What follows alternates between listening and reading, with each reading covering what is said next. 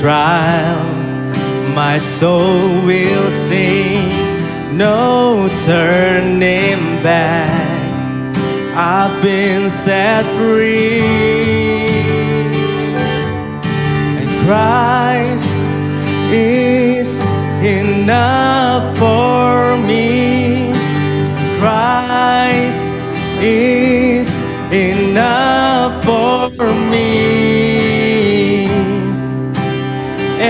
Everything I need is in you. Everything I need. Christ, my all in all. The joy of my salvation.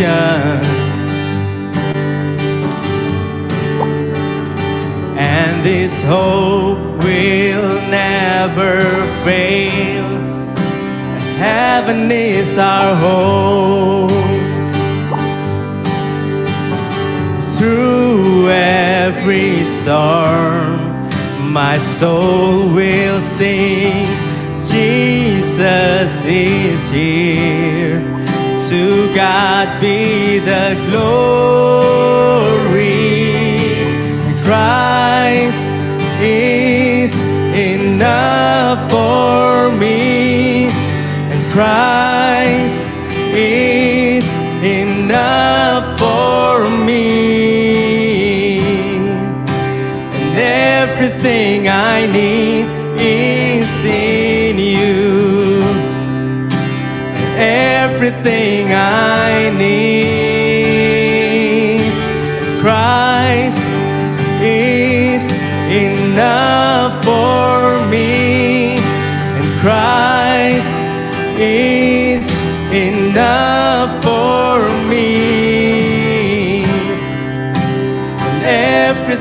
I need is in you, everything I need, I have decided to follow Jesus, no turning back, no turning back.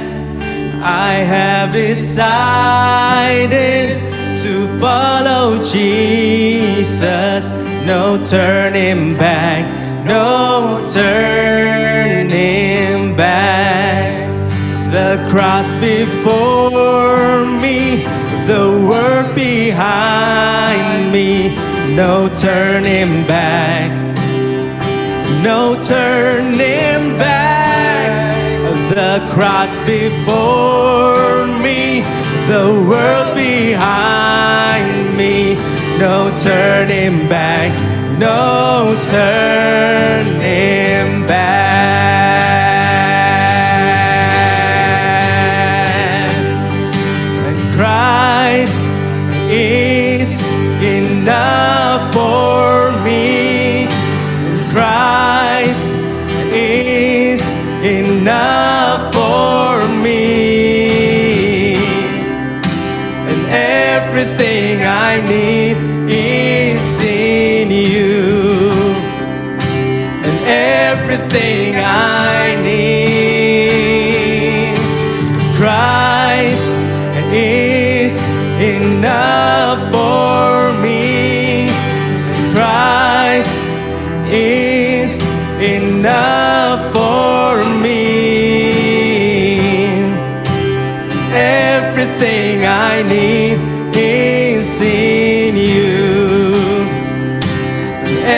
Everything I need, I have decided to follow Jesus. No turning back, no turning back. I have decided to follow Jesus. No turning back, no turning back. The cross before me, the world behind me. No turning back, no turning back. the cross before me, the world behind me. No turning back, no turning back, no turning back, no turning back, no turning back, no turning back. Oke, sekali lagi selamat bergabung buat Bapak Ibu teman-teman yang baru hadir. Uh, sebelum kita mulai KRK malam ini, saya mau ajak Bapak Ibu sekali lagi untuk kita boleh nyanyi sama-sama ya. Kita mau puji kebesaran nama Tuhan bersama. Come on.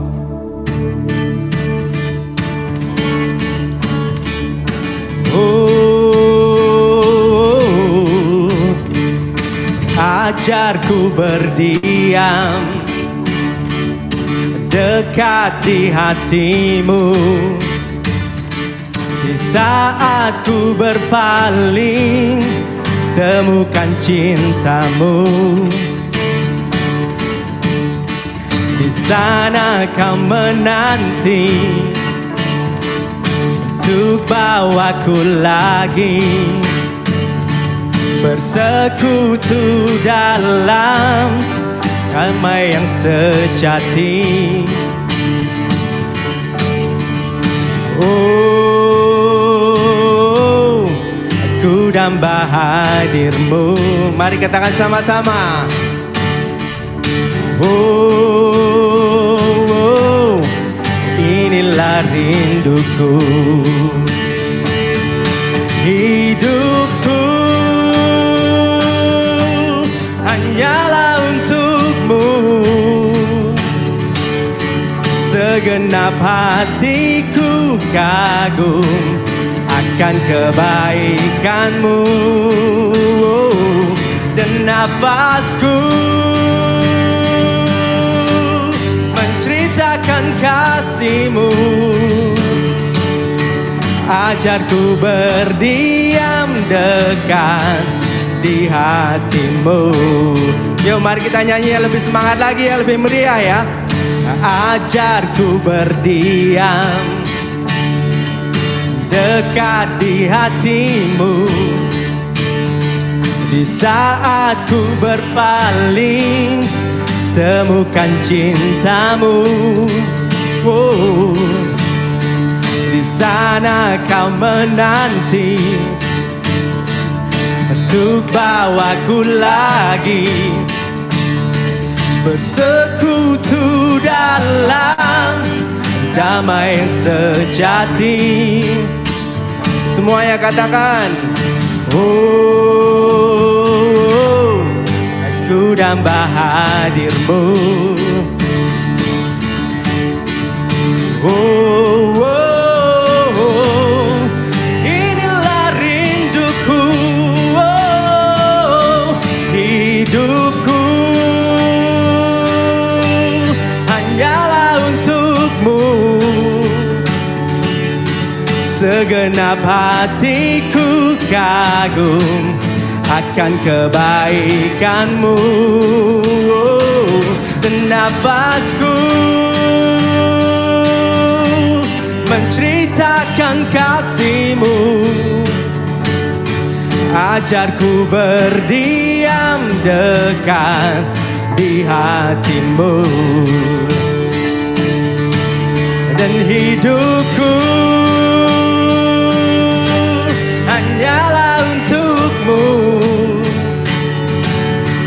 Segenap hatiku kagum akan kebaikanmu.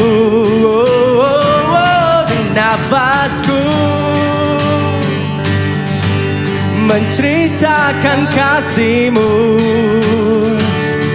Ajarku berdiam dekat di hatimu.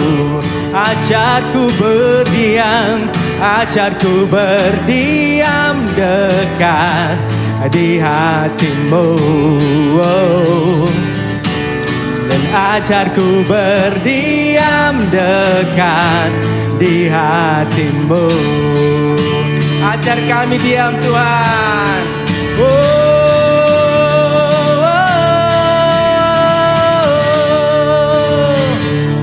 Oke, sekali lagi buat teman-teman yang baru bergabung, uh, kami ucapkan selamat datang di acara KRK malam ini.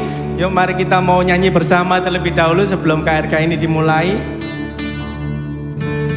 Lagu terakhir dari kami ya.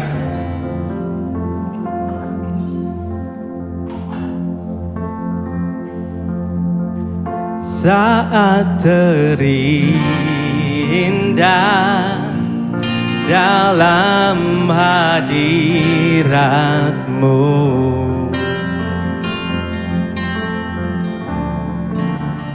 Rasakan kasih dan anugerahmu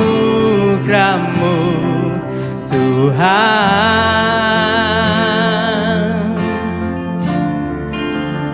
Mengalir memenuhiku Itu yang selalu ku rindu.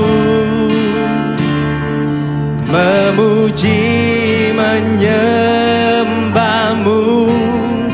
Oh Tuhan. Mari katakan sekali lagi. Saat terindah dalam hadiratmu Rasakan kasihnya, rasakan kasih dan anugerahmu Tuhan.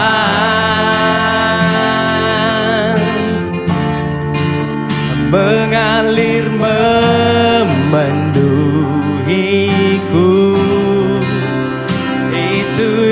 selalu ku rindu. Memuji menyembahmu. Oh Tuhan.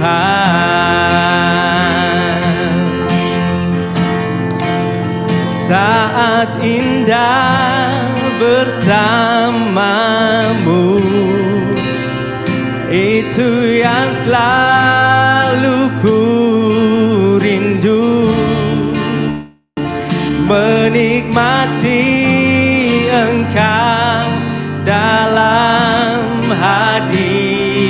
hadiratmu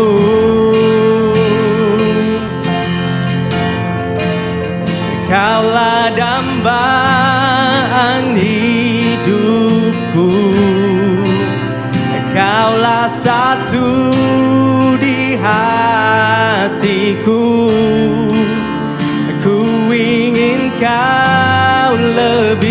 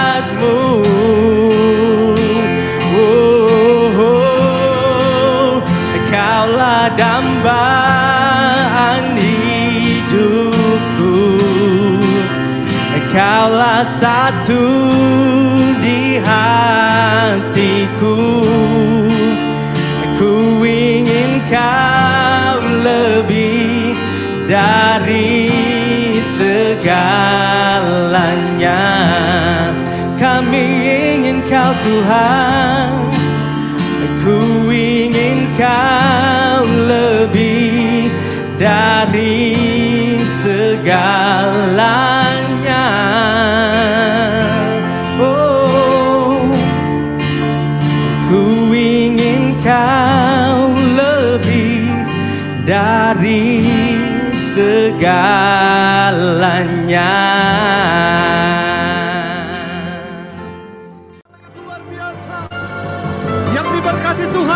sorakan haleluya. Yang diberkati Tuhan sorakan haleluya. Yang diurapi gembala-gembala Tuhan berikan tepuk tangan yang paling meriah bagi dia. Haleluya. Tuhan. Mari puji nama Tuhan Allah kita yang luar biasa. Muliakan, tinggikan. Sebab karena kasih setia Tuhan, saudara dan kita semua boleh ada malam hari ini. Layaklah Tuhan dipuji dan dimuliakan. Haleluya, katakan. kasih setiamu nyata bagiku Hikmat kebajikan. hikmat kebajikan tersedia bagi Mari angkat tanganmu saudara katakan. sebab Allah sanggup limpahkan segalanya dan anugerahnya sangat besar bagi Yang diberkati Tuhan, sorakan. Aku diberkati aku dilimpahi karena Allah sanggup untuk menyediakan Lagi. aku diberkati aku dilimpahi atas sempurna anugerah Tuhan Yang percaya hidupnya diberkati Tuhan, mari sekali lagi beri sorak-sorai bagi nama Tuhan. Mari saudara, di mana pun engkau berada, sama-sama katakan. kasih setiamu nyata bagiku Hikmat kebajikan, hikmat kebajikan tersedia bagiku kau sanggup Tuhan. Allah sanggup limpahkan segalanya Amin. dan anugerahnya sangat besar bagiku Kami serukan. Aku diberkati aku dilimpahi karena Allah sanggup untuk Aku menyediakan diberkati. Semua karenamu Tuhan. aku dilimpahi karena sempurna anugerah Tuhan Haleluya. Malam hari ini kami berkumpul untuk bersyukur, untuk bersuka cita, untuk memuliakan Allah yang menjadikan hidup kami luar biasa. Semua karenamu Tuhan dan semua bagi kemuliaanmu. Haleluya. Mari angkat tanganmu saudara. Katakan Allah kita sanggup. sebab Allah sanggup limpahkan segalanya dan anugerahnya sangat besar bagiku Allah kita sanggup. Allah sanggup limpahkan segalanya dan anugerahnya sangat besar bagiku Mari Bapak Ibu Saudara katakan aku diberkati. On. Aku diberkati, aku dilimpahi, karena Allah sanggup Untuk apa saudara? untuk menyediakan. Lagi ya. Aku diberkati, aku dilimpahi, atas Saudara. sempurna Sekarang tunjuk layar. Katakan kamu. Kamu diberkati. Tunjuk layar saudara. Kamu dilimpahi karena Allah sanggup Bagikan berkat pada saudaramu. Katakan kamu. Kamu diberkati, Haleluya. kamu diberkati sempurna anugerah Tuhan Lebih tinggi lagi bagi nama Tuhan kita. aku diberkati, aku dilimpahi karena Allah sanggup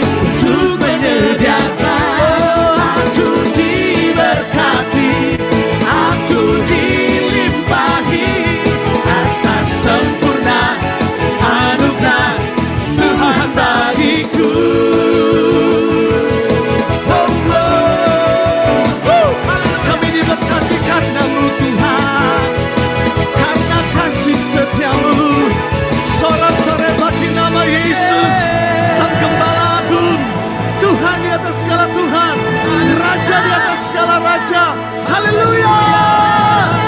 Haleluya. Sebut terpujilah namamu Tuhan. Raja Tuhan di atas segala-galanya. Mari sambil bertepuk tangan saudara. Kita muliakan nama Tuhan.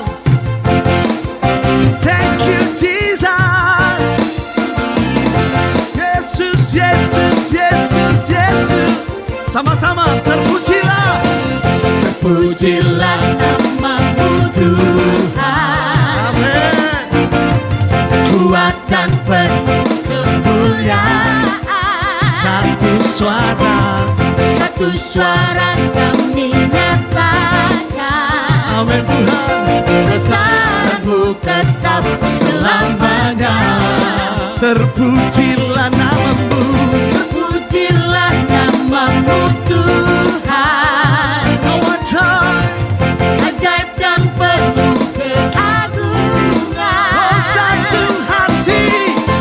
hati Perhatikan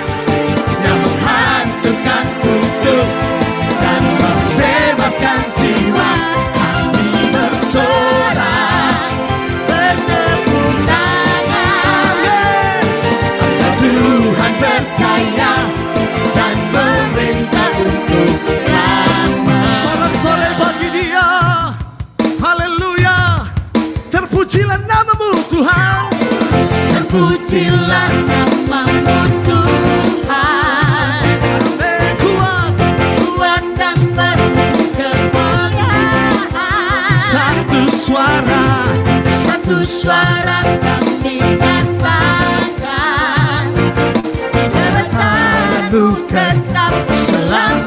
sekali lagi kami katakan terpujilah. Terpujilah namamu.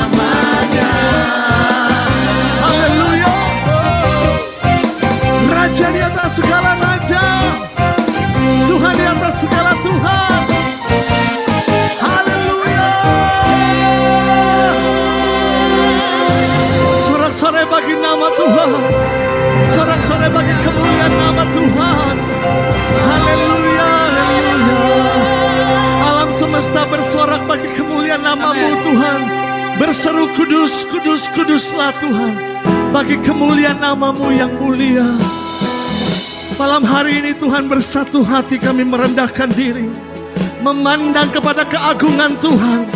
Bersyukur untuk kasih setia Tuhan. Engkau yang menebus kami. Kau jadikan kami pemimpin-pemimpin di dalam rancangan damai sejahtera.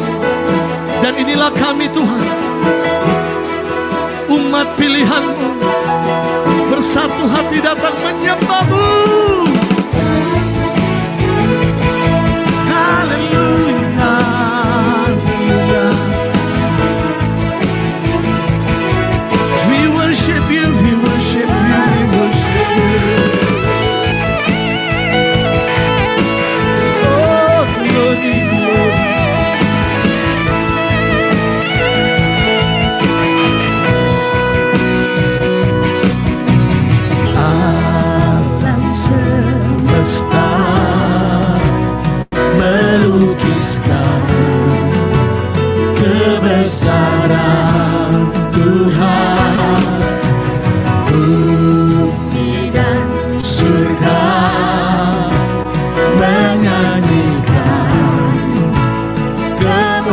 Angkat tangan kami dan kami serukan Hosana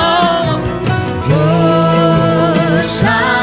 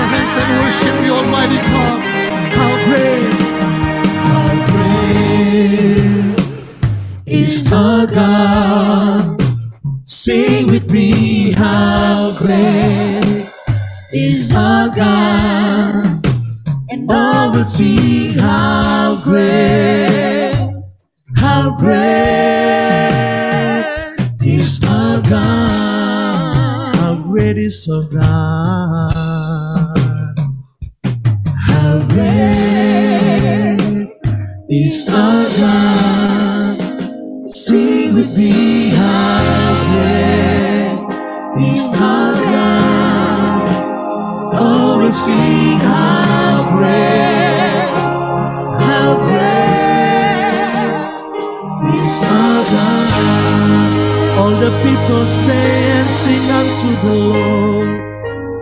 How great is our God. Sing with me, how great is our God. And all will sing, how great, how great is our God. We sing to you, how great you are, God.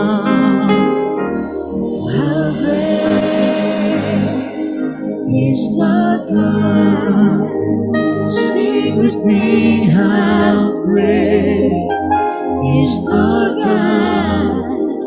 And all will sing, how great, how great is our God. And all will sing to you, all will sing, how great,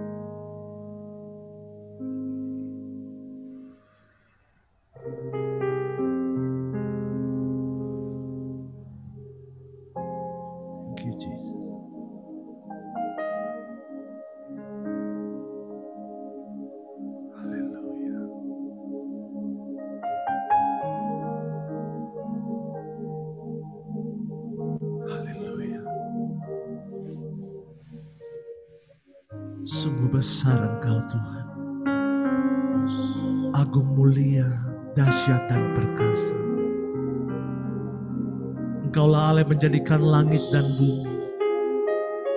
Engkaulah Tuhan yang merancangkan damai sejahtera dalam kehidupan kami. Engkau yang membuat setiap proses perjalanan iman kami begitu sangat luar biasa. Karena kami tahu bagaimana kami dengan kasih setiamu. Kau bentuk, kau jamah, kau perbaharui, dan kau ubahkan lewat kuat kuasa roh kudusmu. Malam hari ini Tuhan, kami rindu Engkau lawat kami, Kau materaikan kami dengan kuat kuasa firman-Mu yang akan mengubahkan kami dari domba menjadi gembala. Semua hanya bagi kemuliaan-Mu. Kami memuji muliakan Engkau Tuhan. Karena rahmat kebaikan Tuhan. Maka malam hari ini Kau telah utus anakmu yang terurapi. Mr. Jim Murphy untuk berada bersama dengan kami, bersama dengan translator kami, Novi. Bapak kami mengangkat tangan kami, kami membawa Mr. Jim dan juga Sister Novi dalam kerahimanmu Tuhan. Lewat dua pribadi ini, Tuhan akan lawat kami. Lewat dua pribadi yang luar biasa ini, firman Tuhan yang merupakan pelita bagi kaki kami dan terang bagi jalan kami, akan dinyatakan sempurna dalam pengurapan roh kudus. Kami duduk diam, kami buka hati kami, siap dilawat dengan kebenaran firman-Mu dalam indahnya hadirat. Kami sambut berkat firman-Mu di dalam satu nama.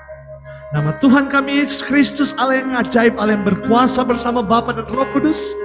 Engkau kami puja kini dan sepanjang segala masa. Haleluya. Amin. Kita berikan sorak-sorai bagi kemuliaan nama Tuhan kita. Allah yang luar biasa, Allah yang dahsyat, Allah yang memberkati kita dengan firman yang malam hari ini. Mari siapkan hati kita saudara, buka hati kita, kita sambut bagi kemuliaan nama Tuhan, Mr. Jim Murphy dan translator Novi. Kita berikan tepuk tangan bagi kemuliaan nama Tuhan. Haleluya.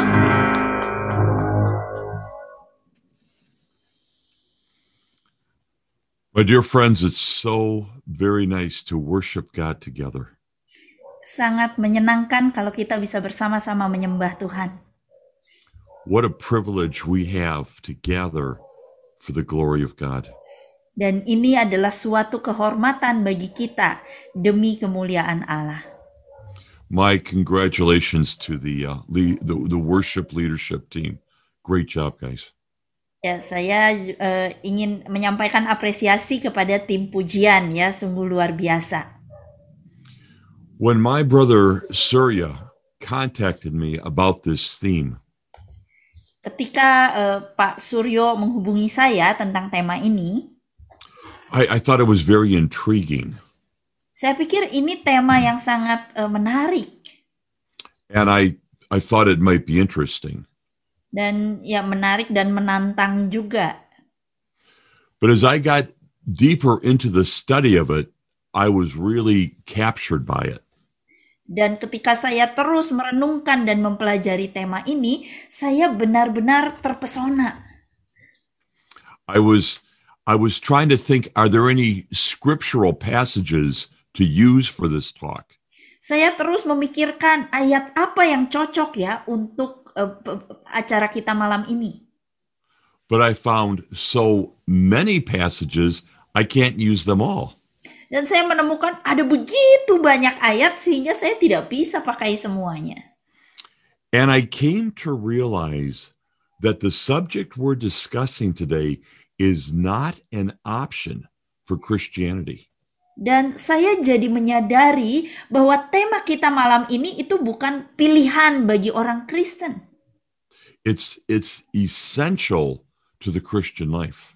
Ya, ini bukan pilihan tetapi sesuatu yang sangat penting yang wajib untuk hidup kita sebagai umat Kristiani. So I'm very excited to share this topic with you. Maka saya sangat bersemangat ingin membagi topik ini dengan Anda. We're going to be looking at a few scriptures today, Hari ini kita akan melihat beberapa ayat kitab suci. and in some cases, uh, Novi will read the scriptures to you.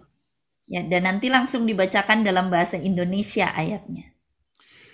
In other moments, I will simply make reference to a passage. Tetapi ada juga ayat-ayat yang mungkin saya cuma singgung sekilas saja.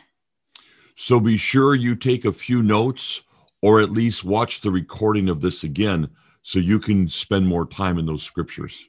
Jadi pastikan bahwa Anda mencatat ayat-ayat itu atau mungkin nanti kalau ada rekamannya bisa ditonton ulang supaya Anda bisa benar-benar merenungkan ayat-ayat yang akan kita bahas malam ini. Then I want to make a few practical comments Lalu saya akan memberi beberapa komentar praktis and then we'll conclude our time together in prayer. dan nanti kita akan tutup dengan doa. So let's get started with the scripture, which is the theme of our gathering today. Kita akan mulai dengan membaca perikop yang akan menjadi tema KRK kita malam ini, It comes from John chapter 21. yaitu dari Yohanes bab 21. And this is when Jesus sees Peter at the seashore. Ini adalah saat Yesus bertemu dengan Petrus di pantai. And Novi, maybe you could read that for us, please. Oke, Yohanes 21 ayat 15 sampai 19. Sesudah sarapan, Yesus berkata kepada Simon Petrus, "Simon, anak Yohanes, apakah engkau mengasihi aku lebih daripada mereka ini?" Jawab Petrus kepadanya, "Benar, Tuhan. Engkau tahu bahwa aku mengasihi engkau." Kata Yesus kepadanya, "Gembalakanlah domba-dombaku." Kata Yesus pula kepadanya untuk kedua kalinya, "Simon, anak Yohanes, apakah engkau mengasihi aku?" Jawab Petrus kepadanya, "Benar, Tuhan, engkau tahu bahwa aku mengasihi engkau." Kata Yesus kepadanya, "Gembalakanlah domba-dombaku." Kata Yesus kepadanya untuk ketiga kalinya, "Simon, anak Yohanes, apakah engkau mengasihi aku?" Maka sedih hati Petrus karena Yesus berkata untuk ketiga kalinya, "Apakah engkau mengasihi aku?" Dan ia berkata kepadanya, "Tuhan, engkau tahu segala sesuatu. Engkau tahu bahwa aku mengasihi engkau." Kata Yesus kepadanya, "Gembalakanlah domba-dombaku. Aku berkata kepadamu, Sesungguhnya, ketika engkau masih muda, engkau mengikat pinggangmu sendiri, dan engkau berjalan ke mana saja kau kehendaki. Tetapi jika engkau sudah menjadi tua, engkau akan mengulurkan tanganmu, dan orang lain akan mengikat engkau dan membawa engkau ke tempat yang tidak kau kehendaki.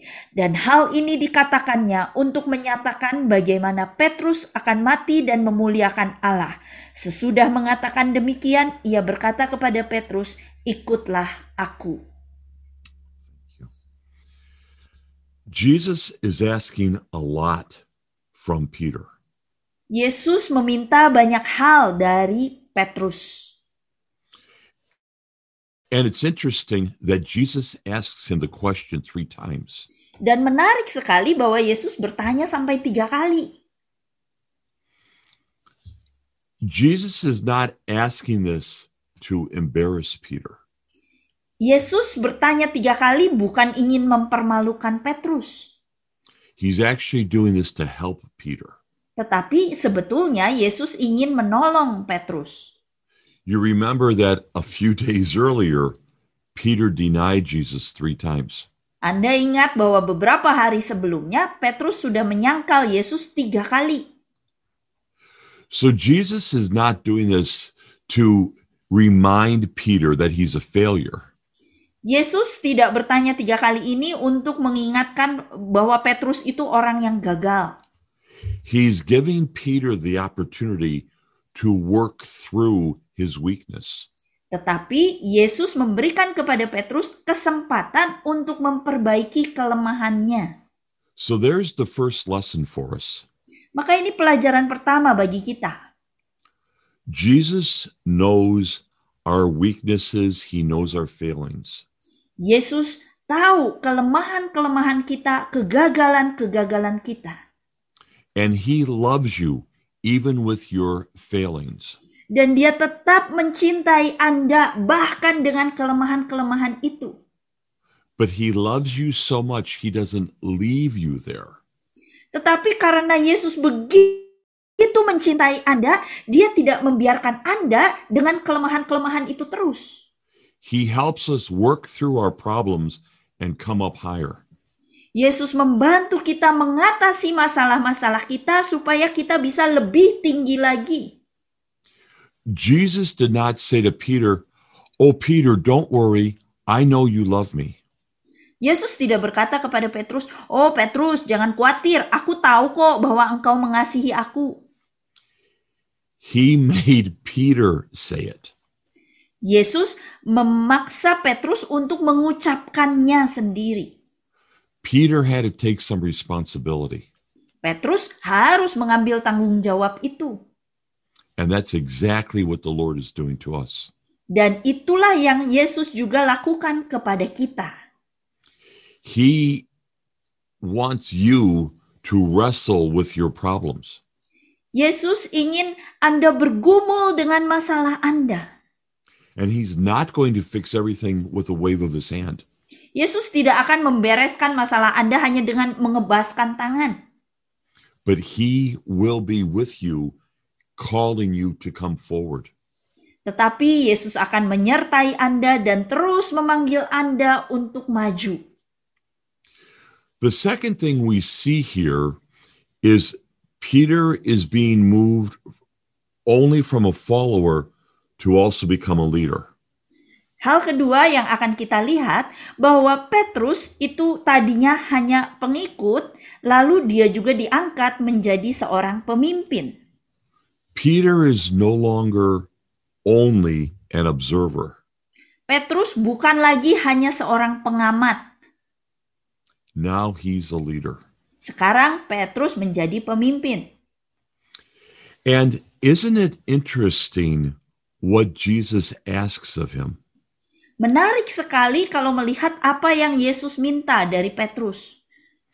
He does not say to Peter, Peter, are you a good administrator? Yesus tidak bertanya, Petrus, apa kamu uh, bisa mengurus segalanya dengan baik? Apa kamu uh, manajer yang baik? Peter, do you have the spiritual gifts? Petrus, kamu punya karunia apa saja? Peter, are you a very intelligent man? Petrus, kamu orang yang pintar bukan? Jesus asks only one question Yesus tidak menanyakan semua itu, tapi dia hanya menanyakan satu saja pertanyaan. Do you love me? Apakah engkau mengasihi aku? Another important lesson for us. Ini juga pelajaran penting buat kita. In leadership, there's a lot of work to do. Dalam kepemimpinan ada banyak hal yang harus kita lakukan. a lot of responsibility. Ada banyak tanggung jawab, But the most important question for a leader is Do tetapi we love the Lord? tetapi pertanyaan yang paling penting untuk seorang pemimpin adalah apakah kita mengasihi Yesus? If we're connected to Jesus, He can give us everything we need for the work. Kalau kita eh, terhubung dengan Yesus, maka Yesus akan bisa memberikan segala yang kita perlukan untuk mengerjakan tugas-tugas kita. But if our primary focus is the work, then we lose our connection with Jesus. Tetapi kalau kita hanya berfokus pada tugas-tugas kita, kita akan kehilangan koneksi dengan Yesus. So Jesus is telling us what our priorities need to be. Maka Yesus sedang mengajarkan kepada kita bagaimana cara mengatur prioritas yang baik. And the priority must be Him, Dan prioritasnya haruslah Yesus. not the work, Bukan tugas-tugas kita, not the ministry, bukan pelayanan kita, not even the people. bahkan bukan umat yang kita layani. The priority must be Jesus. Prioritasnya haruslah Yesus. And then he tells Peter something very strange. Lalu kemudian Yesus mengatakan hal yang aneh kepada Petrus. He talks about Peter being tied up and taken somewhere he doesn't want to go. Yesus eh, berkata bahwa Petrus itu akan diikat dan akan dibawa ke tempat yang tidak Petrus kehendaki. And there is a lesson in that for all of us. Dan di sini juga ada pelajaran untuk kita semua. There are certain restrictions in leadership. Ada batasan-batasan dalam kepemimpinan. There's a certain burden of responsibility. Ada beban tanggung jawab. And a leader doesn't always get to do what they want to do. Dan pemimpin sering kali tidak bisa melakukan apa yang dia kehendaki. It's a difficult role. Memang pemimpin itu peran yang sulit. It's a sacrificial role. Dan peran sebagai pemimpin itu eh, memerlukan pengorbanan. It puts certain restrictions on us. Ada batasan yang eh, membatasi seorang pemimpin. You are not a leader so that you can do whatever you want to do. Anda tidak diangkat menjadi pemimpin supaya Anda bisa berbuat sekehendak hati Anda. You're a leader so that you can serve the purposes of God. Anda menjadi pemimpin untuk melayani tujuan Allah. It's a great responsibility, Ini suatu tanggung jawab yang besar and we need to take that very seriously. dan kita harus menjalankannya dengan sangat serius. So Jesus is asking a lot from Peter. Jadi Yesus memang minta banyak dari Petrus And he's asking a lot from us. dan Yesus pun eh, minta atau menuntut banyak dari kita juga. There comes a time in the spiritual journey when it's not good enough just to hang around with Jesus. Ada saatnya dalam perjalanan rohani kita bahwa tidak cukup kita cuma ya ikut-ikut Yesus saja deh. We cannot be spectators forever. Kita tidak bisa selamanya cuma menjadi penonton saja. We can't just walk after Jesus and say, He makes me feel so happy. Kita bisa ikut Yesus dan bilang, "Wah, Yesus membuatku sangat bahagia." He paid a price. Yesus sudah membayar harga. And now He's telling us we have to pay a price. Dan sekarang Yesus katakan, Anda juga harus membayar harga. Many people like to follow Jesus Banyak orang senang mengikuti Yesus because of the things He gives them. karena hal-hal yang Yesus berikan kepada mereka. But we're at a point now where He is asking us to give. Tetapi sekarang kita sampai pada titik di mana Yesus yang meminta kita untuk memberikan sesuatu. And sometimes He asks a lot. Dan terkadang Yesus memang menuntut banyak hal dari kita. So let's look at a couple scripture passages that really call us to maturity. Jadi mari kita melihat beberapa perikop yang memanggil kita kepada kedewasaan. And some of these, again, just make a quick note for yourself. Dan beberapa perikop ini mungkin tidak dibaca dengan lengkap tapi Anda catat saja. And some of these we will actually read with you. Nanti ada juga perikop yang akan kita baca bersama. One very challenging story is the parable of the barren fig tree. Ada satu eh, perumpamaan yang sangat menantang yaitu perumpamaan tentang pohon ara yang kering. It's Luke chapter 13, 6 through 9. Dari Lukas bab 13 ayat 6 sampai 9. Uh, Novi, let's read this one to, to the people, okay? Oke. Lukas 13 ayat 6 sampai 9. Lalu Yesus mengatakan perumpamaan ini. Seorang mempunyai pohon ara yang tumbuh di kebun anggurnya, dan ia datang untuk mencari buah pada pohon itu, tetapi ia tidak menemukannya. Lalu ia berkata kepada pengurus kebun anggur itu, "Sudah tiga tahun aku datang mencari buah pada pohon ara ini, dan aku tidak menemukannya. Tebanglah pohon ini. Untuk apa ia hidup di tanah ini dengan percuma?" Jawab orang itu, "Tuan, biarkanlah dia tumbuh tahun ini lagi. Aku akan mencangkul tanah sekelilingnya dan memberi pupuk kepadanya. Mungkin tahun depan ia berbuah. Jika tidak, tebanglah dia." I have to tell you, I was very convicted by this passage. Saya eh, merasa apa eh, sangat apa ya bertentangan ya saat membaca perikop ini. What's what's wrong with this tree? Memangnya apa yang salah dengan pohon ini? Nothing, Tidak ada yang salah, except it's not bearing any fruit. kecuali bahwa pohon ini tidak berbuah. The tree is alive. Pohonnya hidup, The tree is all right. pohonnya baik-baik saja.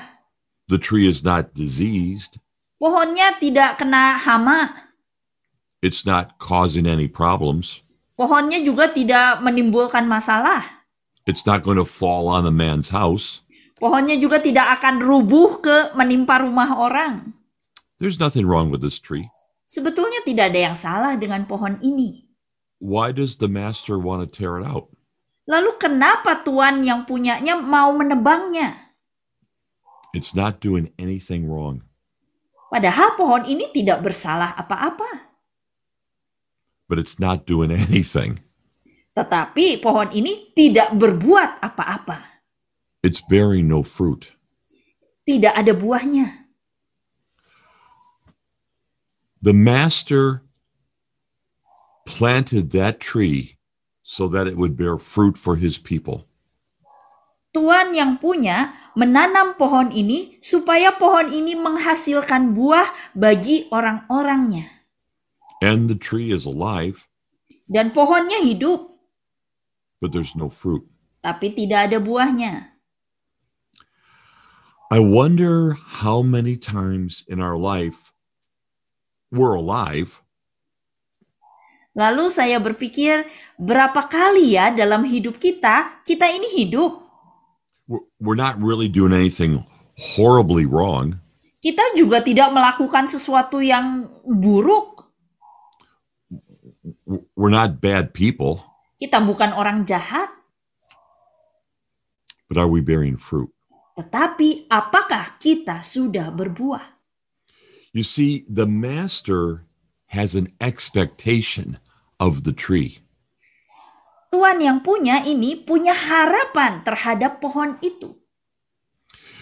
Many people say, Well, I follow God. Banyak orang berkata, "Ya, saya ikut Tuhan. I go to church. Saya pergi ke gereja. I say a few prayers. Saya sudah berdoa. I don't do anything very bad. Saya tidak melakukan hal jahat." But th- that's that's enough. Tapi ya udah, cukup itu saja. Not according to God, it's not enough. Bagi Tuhan itu tidak cukup. And if you and I have been baptized into Christ, we're we're meant to bear fruit. Dan kalau Anda dan saya sudah dipermandikan di dalam Kristus, maka harusnya kita ini diharapkan untuk berbuah. So just because we're alive, that's not good enough. Hanya hidup saja itu tidak cukup. We have been planted with the expectation of bearing fruit for the kingdom. Kita ditanam dengan harapan bahwa kita bisa menghasilkan buah untuk kerajaan Allah. Let's look at another practical example from Ephesians 4, verse 28. Mari kita lihat beberapa hal praktis dari Efesus 4 ayat 28. And Novi, again, if you would read that for us, please. Oke. Orang yang mencuri, janganlah ia mencuri lagi, tetapi baiklah ia bekerja keras dan melakukan pekerjaan yang baik dengan tangannya sendiri, supaya ia dapat membagikan sesuatu kepada orang yang berkekurangan. Efesus 4 ayat 28. St. Paul is telling us here that the person should no longer steal, but should actually do work. Santo Paulus mengatakan dalam ayat ini bahwa orang yang mencuri itu jangan mencuri lagi, tapi harus bekerja. That will allow him to provide for his own needs. Dengan bekerja, dia bisa mencukupi kebutuhannya sendiri. But Paul actually asks more than that. Tetapi Paulus sebetulnya meminta lebih daripada itu. It's not good enough that the man takes care of himself. Tidak cukup bagi orang ini hanya mencukupi kebutuhannya sendiri. but he should be working so that he has money to help other people. Dia harus bekerja keras supaya dia punya uang untuk membantu orang lain juga. If i- i- you're not supposed to just take care of yourself, Jadi Anda itu tidak cukup hanya me- merawat atau menjaga men- mencukupi diri Anda sendiri. you should take care of yourself and you should take care of others. Anda harus mencukupi diri Anda dan juga mencukupi orang lain ya, menjaga Anda dan menjaga orang lain. It's just like the tree. It's not good enough that the tree is okay where's the fruit? Seperti pohon ara tadi, tidak cukup bahwa pohon itu baik-baik saja, tapi mana buahnya? So there's this theme in the scriptures that something more is expected of us than just maintaining ourselves. Di dalam kitab suci ada banyak tema-tema seperti ini bahwa ada sesuatu yang lebih diharapkan dari kita da, eh, lebih daripada sekedar menjaga diri kita sendiri. We're going to take a look at Matthew 28. Kita akan lihat Matius 28. And for this moment, there's just one verse we want to look at, uh, two verses, 19 and 20. Matthew 28, 19 and 20. Kita akan lihat Matius 28 ayat 19 sampai 20. Karena itu pergilah Jadikanlah semua bangsa muridku dan baptislah mereka dalam nama Bapa dan Anak dan Roh Kudus dan ajarlah mereka melakukan segala sesuatu yang telah kuperintahkan kepadamu dan ketahuilah aku menyertai kamu senantiasa sampai kepada akhir zaman. Jesus says to go and make disciples. Yesus menyuruh para murid untuk pergi dan menjadikan murid. He doesn't say go and make spectators. Dia tidak bilang, pergilah dan jadikanlah penonton. Go and make observers. Pergilah dan jadikanlah pengamat. Go and make consumers. Pergilah dan jadikanlah mereka semua konsumen. Go make disciples. Tetapi pergilah dan jadikanlah mereka murid. You see, a disciple bears fruit. Seorang murid menghasilkan buah. A disciple works hard. Seorang murid bekerja keras. A disciple loves their master. Seorang murid mengasihi tuannya. A disciple lives a sacrificial life. Seorang murid uh, uh, men menyukai hidup penuh pengorbanan. A disciple bears fruit. Seorang murid menghasilkan buah. So, based on this passage, it is Jesus' intention that everybody gets involved. Maka berdasarkan ayat ini kita bisa lihat bahwa Yesus ingin semua orang terlibat. And the job of leadership is to bring people to that level. Dan pekerjaan seorang pemimpin adalah membawa umat sampai ke level itu. Let's go back to Ephesians chapter 4. Mari kita kembali lihat Efesus bab 4. And we're just in this moment uh, going to read uh, verses 11 through 16. Novi, if you would please. Oke. Kita akan Ephesians baca 4, 11 through 16. Kita akan baca Efesus 4 ayat 11 sampai 16. Dan ialah yang memberikan baik rasul-rasul maupun nabi-nabi, baik pemberita-pemberita Injil maupun gembala-gembala dan pengajar-pengajar untuk memperlengkapi orang-orang kudus bagi pekerjaan pelayanan bagi pembangunan tubuh Kristus sampai kita semua telah mencapai kesatuan iman dan pengetahuan yang benar tentang anak Allah kedewasaan penuh, dan tingkat pertumbuhan yang sesuai dengan kepenuhan Kristus, sehingga kita bukan lagi anak-anak yang diombang-ambingkan oleh rupa-rupa angin pengajaran, oleh permainan palsu manusia dalam kelicikan mereka yang menyesatkan, tetapi dengan teguh berpegang kepada kebenaran di dalam kasih kita bertumbuh di dalam segala hal ke arah Dia Kristus yang adalah kepala. Daripadanya lah seluruh tubuh yang rapi tersusun dan diikat menjadi satu oleh pelayanan semua bagiannya sesuai dengan kadar pekerjaan tiap-tiap anggota, menerima pertumbuhannya dan membangun dirinya dalam kasih. Efesus 4 ayat 11 sampai 16. Thank you. There's a few key points here we want to look at. Ada beberapa hal yang akan kita lihat di sini. St. Paul makes a list of these different kinds of services. Santo Paulus eh, membuat daftar pelayanan-pelayanan. But in verse 12, he makes a very important point. Tetapi di ayat 12 dia eh, menyebutkan satu poin penting. God has given these different ministries to equip the holy ones for the work of ministry. Bahwa Allah memberikan pelayanan-pelayanan ini untuk memperlengkapi orang-orang kudus bagi pekerjaan pelayanan bagi pembangunan tubuh Kristus. This is a huge mistake we as leaders often make. Ini kesalahan besar yang sering kali dilakukan para pemimpin.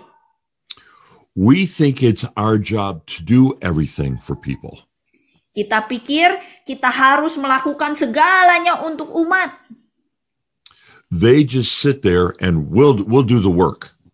Umat tinggal duduk saja, biar kami yang bekerja. Well, we do have to do the work. Ya memang kita harus melakukan pekerjaan itu. in order that we can equip them to do the work with us. Tetapi kita melakukan pekerjaan itu supaya umat juga bisa diperlengkapi dan mereka bisa melakukan pekerjaan itu bersama kita. Paul says we should equip the holy ones. Paulus katakan kita harus memperlengkapi orang-orang kudus. That's all the followers of Jesus. Itu artinya semua pengikut Yesus. So if if you have a ministry, that's wonderful.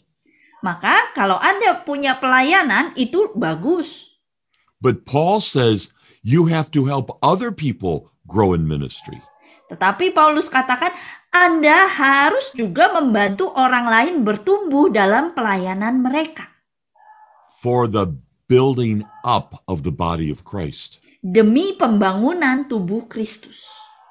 We're, we're not entertaining people. Kita bukan sedang menghibur umat. We're building people up. Kita sedang membangun umat. We're equipping them. Kita sedang memperlengkapi mereka. We're helping to form them. Kita membantu membentuk mereka. Paul says, until we grow into mature manhood, Paulus katakan, sampai kita semua mencapai kedewasaan penuh. To the full stature of Christ, dan eh, tingkat pertumbuhan yang sesuai dengan kepenuhan Kristus. So Paul wants the leaders to work with the people. Maka Paulus ingin supaya para pemimpin bekerja bersama umat, so that the whole community can be more mature in Christ. agar seluruh komunitas bisa menjadi lebih dewasa di dalam Kristus. And he goes on to talk about growing up. Dan Paulus melanjutkan dia bicara tentang pertumbuhan, to grow into maturity. bertumbuh untuk mencapai kepenuhan, kedewasaan penuh. So th- there, there's a vision to all of this. Jadi semua ini ada visinya, ada tujuannya. There's, there's a point to our service. Kita melayani ada tujuannya. It's not good enough that a few of us do all these things. Tidak cukup bahwa sebagian dari kita sibuk mengerjakan semua hal ini. Our job is to empower everybody to do their part. Tugas kita adalah memberdayakan semua orang agar mereka juga melakukan bagian mereka. And we don't often do a very good job of that. Dan sering kali kita tidak memberdayakan orang lain dengan cukup baik. We're, we're good at what we do, but we're not very good at helping others do what they should be doing. Kita melakukan pekerjaan kita dengan sangat bagus, tetapi sering kali kita tidak bisa membantu orang lain mem- melakukan pekerjaan mereka. In John chapter 15, Dalam Yohanes bab 15, we won't read it all now, but you know the story. ya Anda pasti tahu ceritanya. Jesus says that he is a vine and we are the branches attached to him. Dalam Yohanes 15 ini Yesus katakan bahwa akulah pokok anggur yang benar dan kita adalah ranting-ranting yang menempel padanya. And he talks about the Father being the vine dresser. Dan Yesus juga katakan bahwa Bapa adalah pengusahanya. And branches that don't bear fruit, he cuts off. Dan setiap ranting yang tidak berbuah dipotong oleh Bapa. But the branches that do bear fruit, he carefully prunes so they produce more fruit. Tetapi ranting-ranting yang berbuah dibersihkan oleh Bapa supaya bisa berbuah lebih banyak. But he gives us a warning. Lalu Yesus memberi kita peringatan. You must remain connected to me Kamu harus tinggal di dalam aku in order that you bear fruit. supaya bisa berbuah. So I find these scripture passages very, very challenging Bagi saya perikop ini sangat menantang. because, yeah, I'm, alive. Karena ya saya hidup I, I don't think I'm doing anything very bad. dan rasanya saya tidak melakukan hal-hal jelek. I say my prayers, I go to church. Saya rajin berdoa, saya pergi ke gereja. But I'm am I bearing the fruit that God wants me to bear? Tapi apakah saya sudah berbuah seperti yang dikehendaki Bapa? I I, I don't know. Saya tidak tahu. And so the Lord is challenging all of us to stop being spectators and let's get in this. Maka Allah sedang menantang kita semua untuk berhenti menjadi pengamat, tetapi betul-betul melakukan eh, pekerjaan dan berbuah. So I take uh, I take all these passages. I think there's two points we can all agree to. Dari semua perikop tadi, saya rasa ada dua hal yang bisa kita sepakati bersama. The first one is all of us are called to maturity.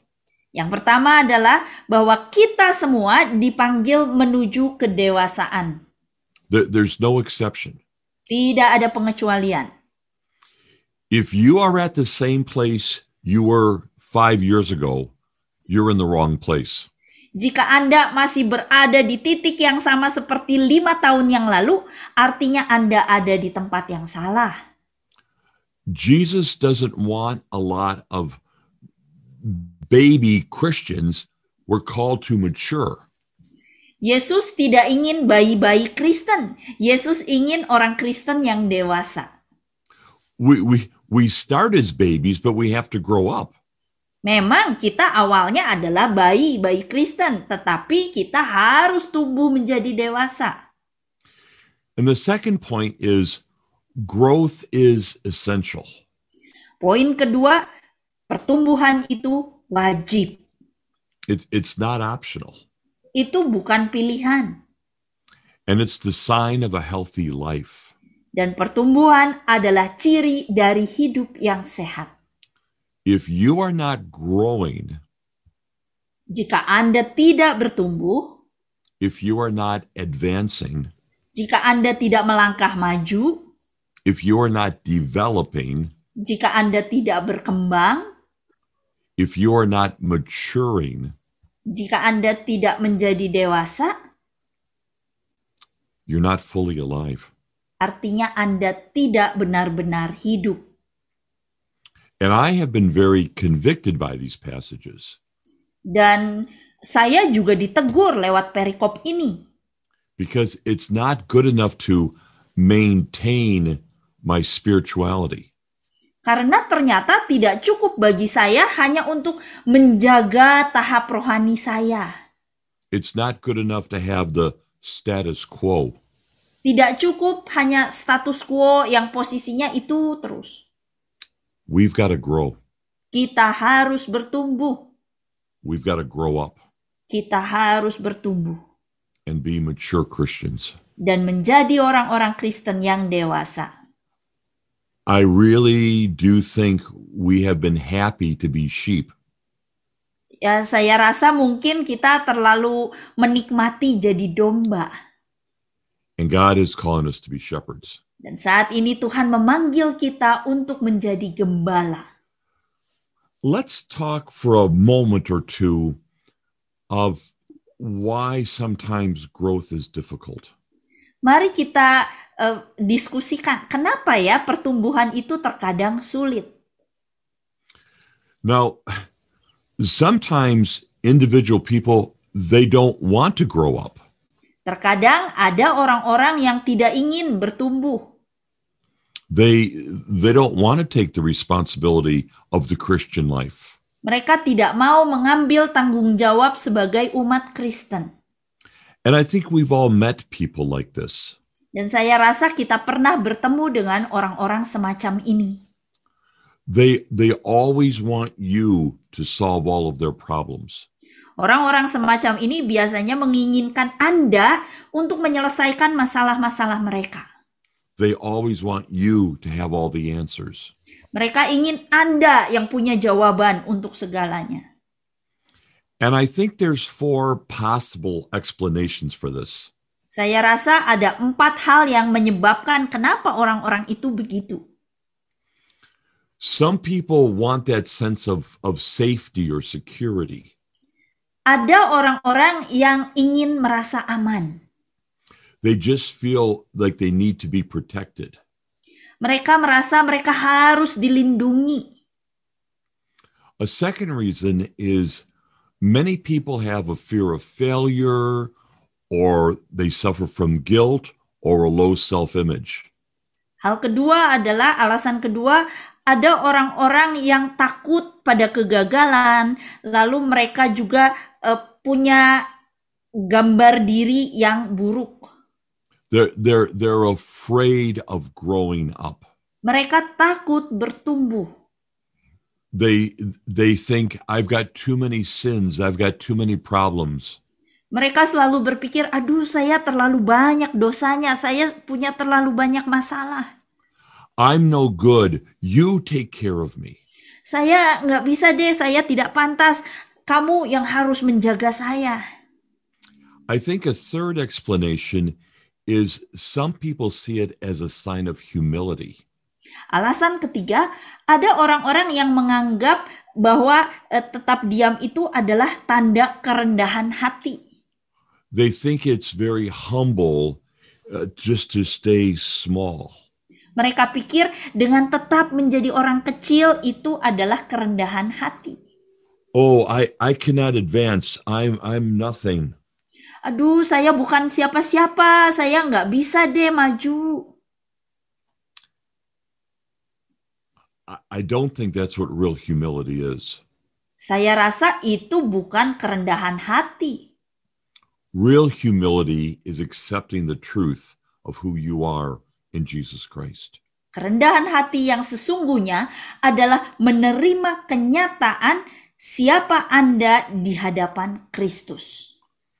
And then there's a fourth possible explanation Alasan keempat, laziness.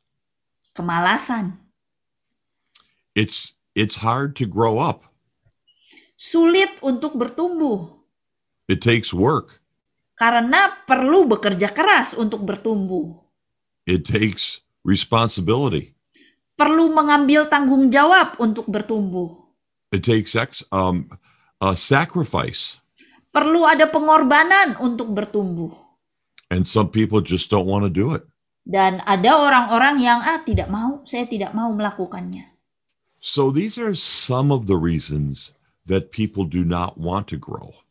Maka ini empat alasan yang menyebabkan kenapa orang tidak mau bertumbuh. And we we all know people like this. Kita pasti pernah bertemu orang-orang semacam ini. And as a leader, you have to be very loving, but you also have to challenge them to grow up. Sebagai pemimpin, Anda tetap harus mengasihi mereka, tetapi Anda juga perlu menantang mereka agar mereka bertumbuh. But there's a second reality. Tetapi ada realitas kenyataan yang kedua. And this one's a little difficult to talk about. Ini yang realitas kedua ini agak sulit ya untuk dibicarakan. Sometimes we as leaders, we don't want people to grow up. Terkadang kita sebagai pemimpin, kita tidak ingin umat kita bertumbuh. We we like it that they're the little ones and we're the leaders. Kita senang bahwa mereka tetap jadi orang kecil, kita yang pemimpin yang besar. Now, what I'm about to say, I don't think we do it consciously. Apa yang akan saya katakan ini mungkin tidak Anda lakukan secara sadar. But I think sometimes in the hidden places of our heart, these things might exist. Tetapi saya rasa terkadang di sudut-sudut hati kita hal-hal ini tuh ada tersembunyi di situ. So there's three possibilities why we don't uh, want people to grow up. Ada tiga kemungkinan alasan kenapa kita tidak ingin umat kita bertumbuh. One of them is is pride. Yang pertama adalah kesombongan. I like being the leader. Saya suka jadi pemimpin. I like the respect I get. Saya suka dihormati. I like having authority. Saya suka punya kuasa. This is kind of nice. Ya, rasanya menyenangkan. It it's it's possible that that's within our hearts. Mungkin hal itu ada di dalam hati kita.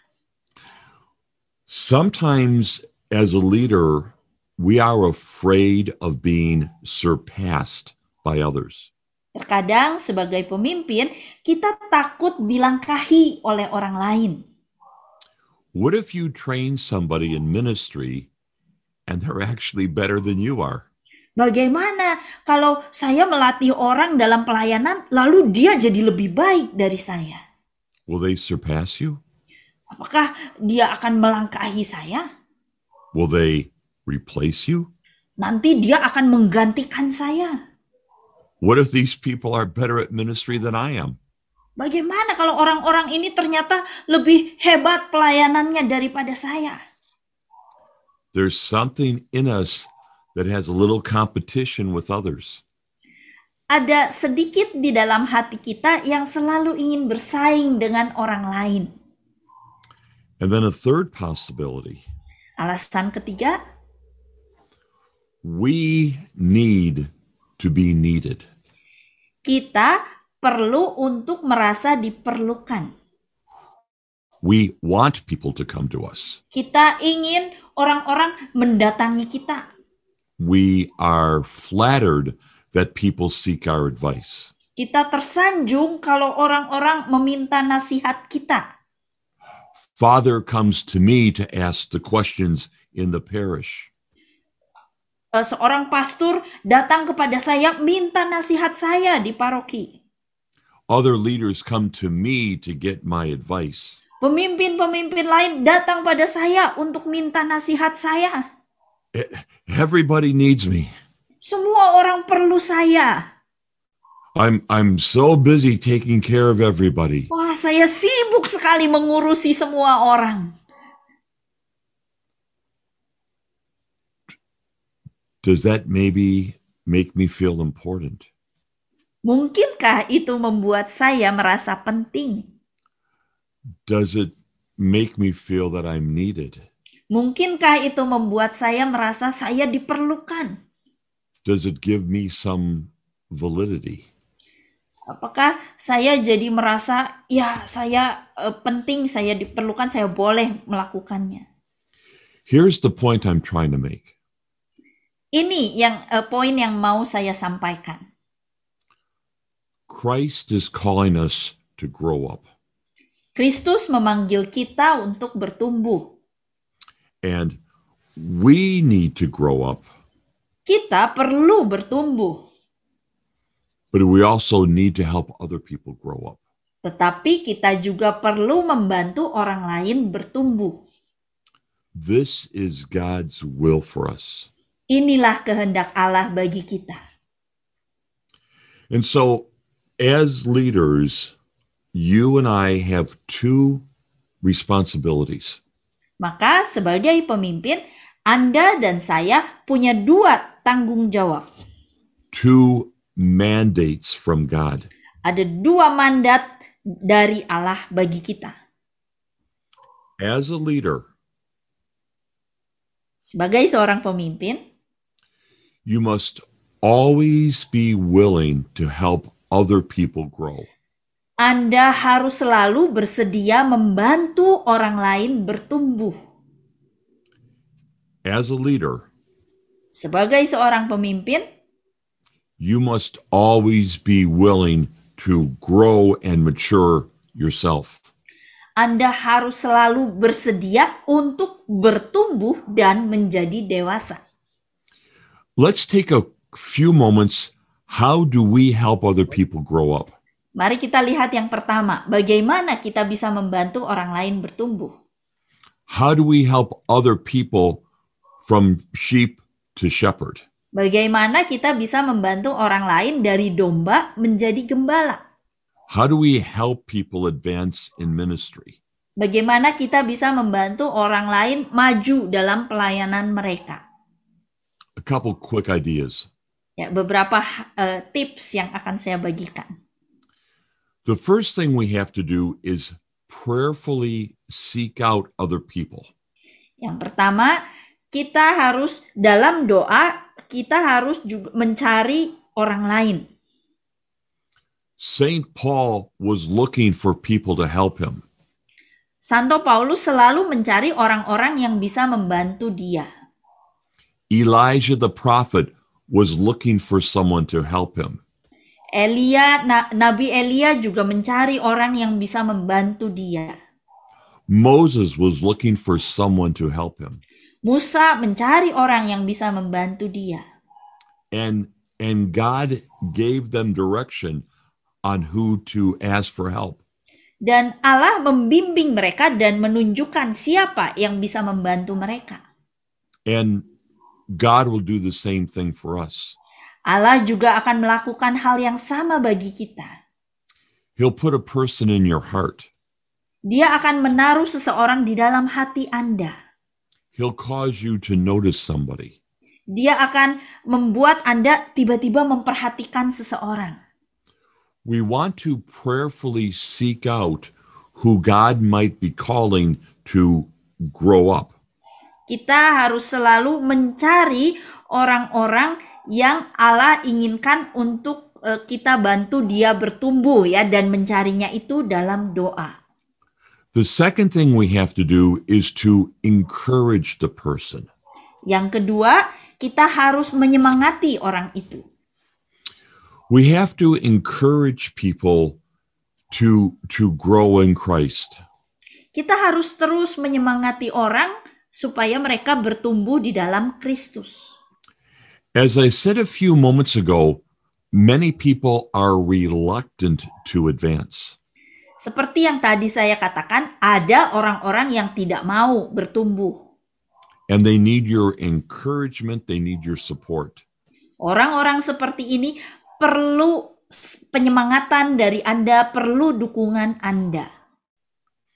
The third thing we have to do is to equip, according to the scripture, equip the saints for ministry. Hal ketiga, seperti tadi dikatakan dalam ayat kitab suci, kita harus memperlengkapi mereka, orang-orang kudus itu. How do we equip people? Bagaimana kita bisa memperlengkapi orang lain? The first thing we have to do is to show them how to live the spiritual life. Yang pertama, kita harus tunjukkan kepada mereka bagaimana mereka bisa hidup rohani dengan baik. In, in a few, few moments, I'll explain that more. Ya, nanti sebentar akan saya jelaskan. But we have to have everybody living a basic spiritual life. Semua orang yang ingin kita tumbuhkan itu harus eh, punya dasar kehidupan rohani, eh, kehidupan rohani yang standar, yang dasar. I cannot live the spiritual life for you. Saya tidak bisa eh, menghidupi kehidupan rohani itu untuk Anda. You have to read the scriptures every day. Anda harus baca kitab suci setiap hari. You have to pray every day. Anda harus doa setiap hari. You have to avoid sin every day. Anda harus menghindari dosa setiap hari. It's a basic responsibility every Christian has. Ini tanggung jawab dasar bagi semua umat Kristen. And you have to help people who are growing, you have to help them do the basics first. Dan pertama-tama kita harus bantu orang-orang ini melakukan hal-hal mendasar ini dulu. You have to give them the basic foundation. Beri mereka dasar. Remember the passage from John 15. Ingat perikop dari Yohanes 15? You can only bear fruit if you're connected to Jesus. Bahwa ranting hanya bisa menghasilkan buah kalau tinggal di dalam Yesus. And your primary responsibility is to help everybody to be connected to Jesus. Maka tanggung jawab terbesar Anda adalah membantu semua orang tinggal di dalam Yesus. But beyond the basics, we also want to help people grow in ministry. Setelah hal mendasar ini, kita juga perlu membantu umat untuk bertumbuh dalam pelayanan mereka. We have to teach people about ministry. Kita harus ajari mereka tentang pelayanan. And not just the theory, but the practical aspects of ministry. Bukan cuma secara teoritis saja, tetapi juga hal-hal praktis dari mini uh, pelayanan. We have them work with us as we're doing ministry. Kita ajak mereka untuk melayani bersama kita. Sometimes I do uh, seminars on how to give teachings. Terkadang saya mengajarkan seminar tentang bagaimana cara berkhotbah. And I give people a lot of theory and a lot of ideas on how to give a teaching. Saya kasih mereka banyak teori tentang cara berkhotbah. But then I'll say to the person, Tapi lalu saya katakan juga kepada orang itu, I'm going to give a teaching at a prayer meeting next Thursday.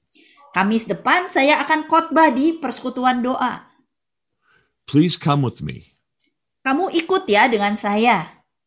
And I'm going to give you a little bit of the teaching to share with the others. Saya akan kasih kamu sedikit waktu untuk juga bisa berkhotbah. We have to show people how to do ministry. Kita harus tunjukkan kepada mereka bagaimana cara melayani.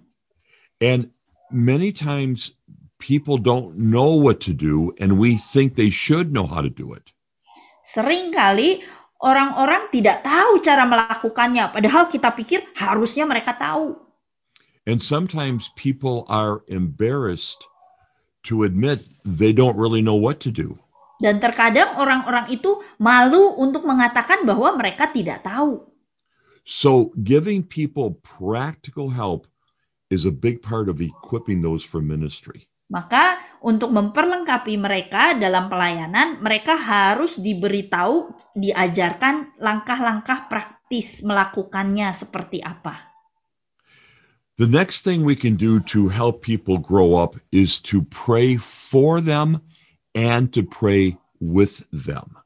Hal berikut, bagaimana kita bisa membantu mereka bertumbuh adalah dengan berdoa untuk mereka dan berdoa bersama mereka. So we should be interceding for the people that we're trying to help grow up. Jadi kita harus bersyafaat bagi orang-orang yang ingin kita eh, bantu untuk tumbuh. Jesus, when he went up to the mountaintops, often was praying for his disciples. Ketika Yesus naik ke atas gunung untuk berdoa, dia sering sekali berdoa untuk murid-muridnya. But we also want to pray with people. Tapi bukan cuma mendoakan, kita juga ingin berdoa bersama umat. What are their fears? Apa ketakutan mereka? Where are their doubts? Apa yang mereka ragu? What are they struggling with? Apa pergumulan mereka? Okay, let's stop now and pray with them. Oke, mari kita berdoa bersama. Be willing to stop and take a moment to pray with your disciples. Jadi Anda harus berani untuk berhenti sejenak, mengambil waktu berdoa bersama murid-murid Anda. And the last thing you have to do is let people try. Hal terakhir yang bisa Anda lakukan untuk memperlengkapi mereka adalah membiarkan mereka mencoba melakukannya. At some point, you have to let people do the work. Di satu titik Anda harus membiarkan mereka yang bekerja. They'll never be perfect, Pasti mereka tidak sempurna. they'll never do it completely right, Pasti mereka juga mungkin ada salah-salahnya. they'll never be as good as you are, Mereka juga ah tidak bisa sebaik Anda. but we can only learn by trying. Tapi kita hanya bisa belajar dengan mencoba. The, the kingdom of God will not collapse if they make a mistake. Kerajaan Allah tidak akan runtuh kalau mereka melakukan kesalahan. The first teaching I ever gave was a disaster.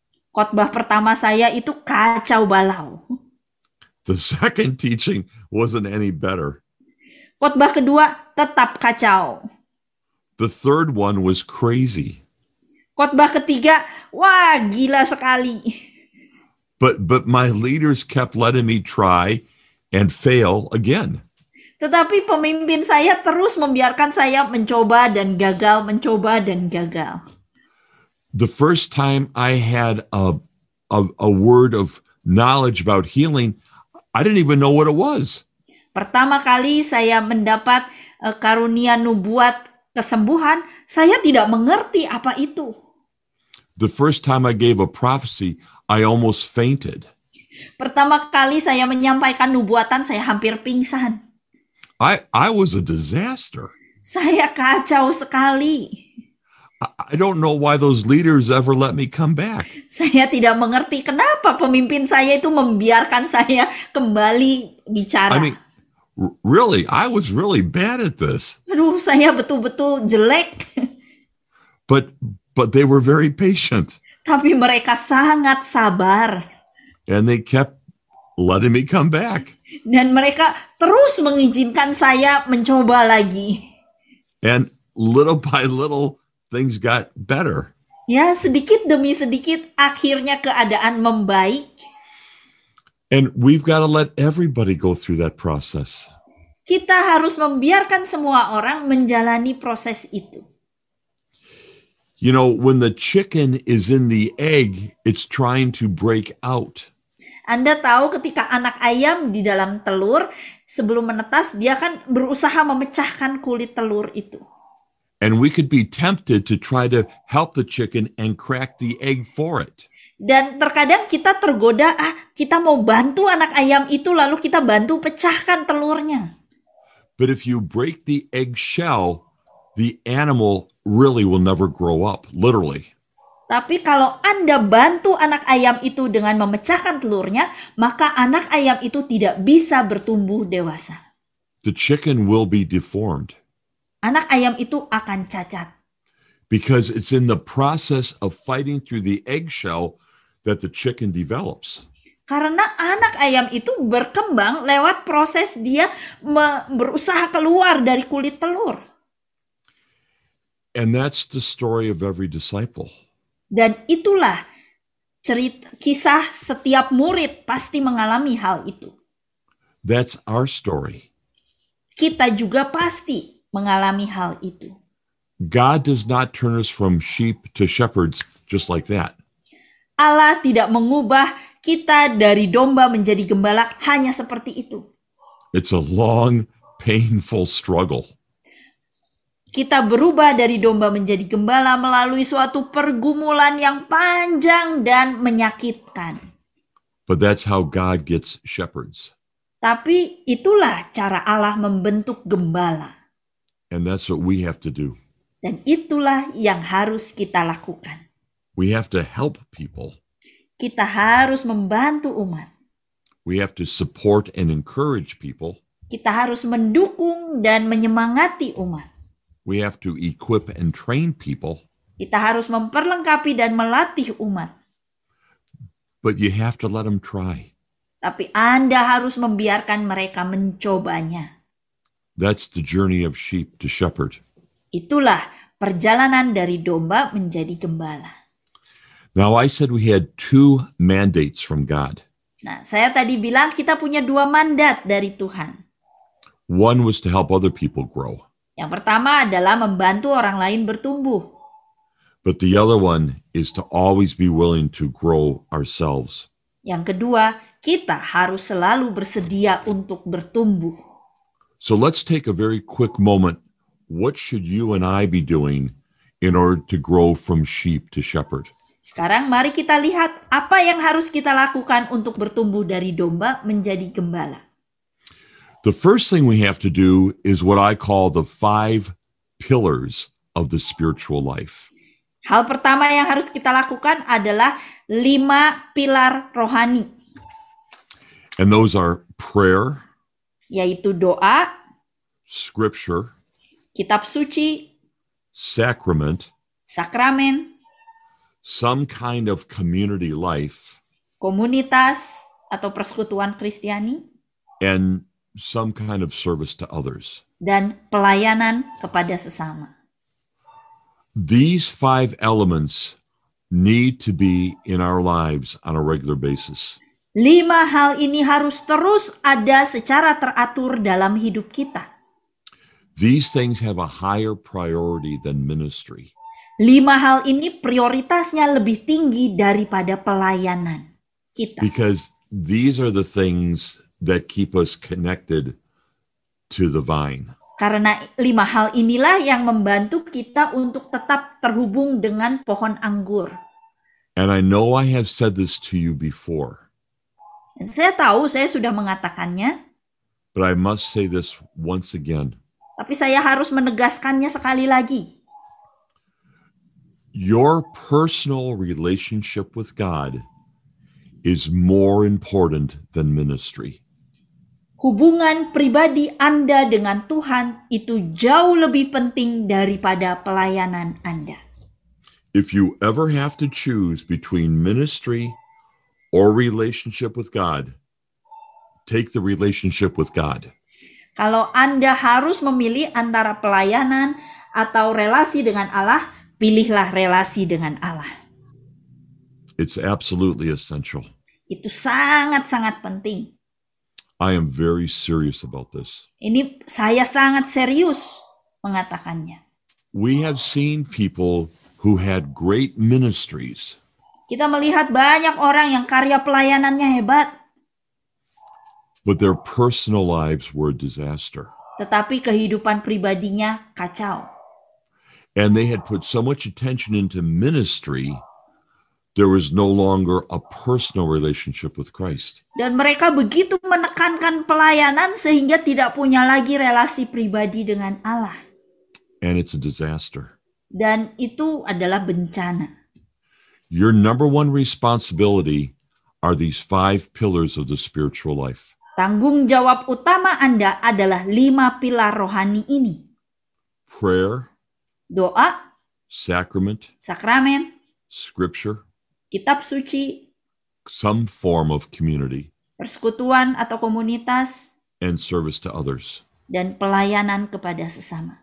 If you are faithful in these five things, Kalau Anda setia melakukan lima hal ini, you will mature in Christ. Anda akan bertumbuh dewasa di dalam Kristus. But there's a few more things we also have to attend to. Nah, selain lima pilar ini, ada hal-hal lain juga. The one after the pillar is as leaders, we have to discipline ourselves. Sebagai pemimpin, kita harus mendisiplinkan diri kita. We may have to spend more time in study. Mungkin kita harus belajar lebih banyak. We may, we may need to attend a particular seminar. Mungkin kita harus menghadiri lebih banyak seminar. We have to be more uh, in control of the way we talk. Kita harus menjaga bagi cara kita berbicara. We may have to spend a little additional time in prayer. Mungkin kita harus doa lebih banyak. Like St. Peter, we are now dressed by somebody else. Seperti Santo Petrus, sekarang kita diikat oleh orang lain. Our life is not our own. Hidup kita bukan lagi milik kita. And so, as leaders, we have to discipline ourselves, Maka sebagai pemimpin kita harus mendisiplinkan diri kita. discipline our lives, Kita harus mendisiplinkan hidup kita so that we can be fruitful for the kingdom. Supaya kita bisa berbuah bagi kerajaan Allah. This is where God is pruning us Di sinilah Allah memotong, memangkas, dan membersihkan kita through discipline. melalui disiplin. A third thing we need to remember as a shepherd is we must be generous. Hal ketiga yang harus kita ingat sebagai gembala kita harus murah hati. We must be generous with our time, Kita harus murah hati membagikan waktu kita, our resources, sumber daya kita, our energy. energi kita. Somebody comes up to you Ada orang yang mendatangi Anda and they have a question. dan mereka ingin bertanya sesuatu. You're tired. Anda mungkin lelah. You've had a long day Anda sudah bekerja seharian and you don't really feel like talking to this person. dan rasanya udah nggak kepingin lagi menjawab dia. Be generous. Tapi bermurah hatilah. Let the person come to you. Biarkan orang itu mendatangi Anda. That's what Jesus did. Itulah yang Yesus lakukan. He made himself available. Dia selalu menyediakan dirinya untuk orang banyak. Jesus is generous. Yesus itu sangat murah hati. The Father is generous. Allah Bapa sangat murah hati. We must be generous. Kita juga harus jadi murah hati. The last point for maturity is a difficult one. Hal terakhir untuk mencapai kedewasaan ini cukup sulit. We need to seek the truth about ourselves. Kita harus mencari kebenaran tentang diri kita. My dear friends, every one of us has our own blind spots. Saudara-saudari terkasih, setiap kita itu punya su- sisi gelap. There are things in my personality I'm not even aware of. Ada hal-hal yang mungkin tidak kita sadari tentang kepribadian kita. There are things that I do in ministry I, I'm not even thinking about. Ada hal-hal di dalam pelayanan yang eh, yang tidak terpikir oleh kita. When I'm involved in ministry, Saat saya terlibat dalam pelayanan, how much of it is the Holy Spirit berapa banyak bagian Roh Kudus and how much of it is me? dan berapa banyak dari pelayanan itu yang eh, adalah diri saya sendiri. When I'm doing some kind of ministry, Ketika saya melakukan suatu pelayanan, am I doing it for God? apakah saya melakukannya untuk Tuhan Am I doing it for me? atau untuk saya? What things in my life still bother me from the past? Hal apa dari masa lalu yang masih mengganggu saya? Where am I doubting? Eh, di mana saya merasa ragu? Where am I discouraged? Di mana saya merasa eh, putus asa? What is the hardest thing for me in ministry? Hal tersulit apa yang eh, harus saya lakukan dalam pelayanan saya? A lot of leaders get in trouble because they're never willing to look into their own hearts. Banyak pemimpin mengalami kesulitan mendapat masalah karena mereka tidak mau melihat ke dalam hati mereka sendiri. This is very ironic, Ini ironis, but ministry can be a place to hide from ourselves. tetapi terkadang pelayanan itu bisa menjadi tempat persembunyian kita dari diri kita sendiri. There's so many things to do, I never have to go into my own heart. Ada begitu banyak hal yang harus saya lakukan sehingga saya tidak punya waktu untuk melihat ke hati saya sendiri. And so my brokenness, Maka ke kelemahan saya, my anger, kemarahan saya, my pride, kesombongan saya, my greed, ke- keserakahan saya, my fears ketakutan saya can come out into my ministry. bisa mempengaruhi pelayanan saya. If you really want to grow up, Jika Anda sungguh-sungguh ingin bertumbuh dewasa, seek the truth within your heart. carilah kebenaran itu di dalam hati Anda. Sometimes that will come directly from God. Terkadang Allah sendiri yang mengingatkan Anda. A scripture will pierce your heart. Mungkin ada ayat yang tiba-tiba menusuk hati Anda. Something will come to you in your daily prayer time. Ada hal yang tiba-tiba eh, Anda ingat di saat Anda berdoa. After you receive the Eucharist, you will get a new insight. Saat Anda menerima Ekaristi, lalu Anda mendapat pencerahan. That is God shining light into your heart. Itulah Allah yang sedang menyinari hati Anda. Pay attention to that. Nah, perhatikan suara Allah itu. Sometimes God will use other people. Terkadang Allah memakai orang lain. Do you have somebody in your life who can tell you the truth? Apakah ada seseorang dalam hidup Anda yang bisa memberitahu kebenaran tentang diri Anda? Or do all your people just tell you what they want you to hear? Ataukah orang-orang di sekitar Anda itu cuma eh, bisa memuji Anda yang asal Anda senang? Can you go to people and get advice Bisakah Anda minta nasihat dari teman Anda and really hear what they're telling you? dan betul-betul mendengar apa yang mereka katakan bagi Anda? Are you willing to at least consider what your critics say? Apakah Anda mau mendengar saat Anda dikritik? Is there any truth in what they're saying? Apakah yang mereka kritik itu benar? God doesn't always only use your friends, Terkadang Allah bukan cuma memakai teman-teman Anda saja. sometimes He'll use your enemies. Terkadang Allah juga memakai musuh Anda. So if you really want to grow, Maka kalau Anda benar-benar ingin bertumbuh, you have to dev- devote your life to the five spiritual pillars Anda harus mendedikasikan diri Anda pada lima pilar rohani yang tadi. You have to discipline yourself. Anda harus mendisiplinkan diri Anda. You have to be a very generous person. Anda harus bermurah hati. And you have to seek the truth about your own life. Dan Anda harus men- mencari tahu kebenaran tentang diri Anda sendiri. And do what you have to do with what God shows you. Dan lakukan apa yang perlu Anda lakukan saat Allah menunjukkannya kepada Anda. We're going to close now.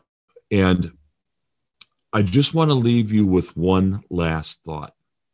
Sekarang kita akan eh, menutup, tapi sebelum menutup saya ingin katakan satu hal ini untuk menjadi permenungan bagi kita. I believe that you are called to be a shepherd. Saya percaya bahwa Anda semua dipanggil untuk menjadi gembala. You're supposed to be mature. Anda seharusnya dewasa, You're supposed to grow in Christ. Anda seharusnya tumbuh di dalam Kristus. Your life is supposed to bear fruit. Hidup Anda harusnya berbuah. But let me give you one final warning. Tapi saya akan beri satu peringatan terakhir. You may be a shepherd, Anda mungkin seorang gembala, and you may be a very good shepherd. mungkin Anda gembala yang baik. I, I really hope you are. Saya harap sih Anda gembala yang baik. But you will never outgrow being God's little sheep.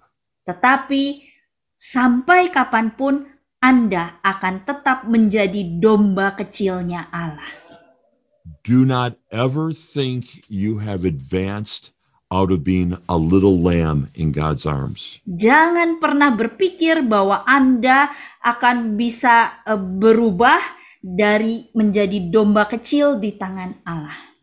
Accept the responsibility of being a good shepherd, Terima tanggung jawab menjadi gembala yang baik, but remember you will always be a little lamb in God's arms. tetapi ingat bahwa Anda akan selalu menjadi domba kecil di tangan Allah. There will never come a day when you do not need God. Anda pasti akan selalu memerlukan Allah. As good of a shepherd as you are, you will Wah. never stop being God's little sheep. Walaupun Anda gembala yang sangat baik, Anda akan selalu menjadi domba kecilnya Allah. I heard a beautiful story of a man who was very advanced in martial arts. Saya pernah mendengar kisah tentang seorang yang sangat ahli bela diri. He was a 10th degree black belt.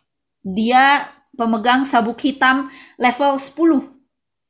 He was the, uh, in this particular field, he was the top man in the entire world. Pokoknya di dunia bela diri, dia itu orang nomor satu paling hebat. People came from the entire world to train with him. Orang-orang datang dari seluruh dunia untuk berlatih bersama dia. He was sought out by everyone. Dia dicari oleh orang banyak.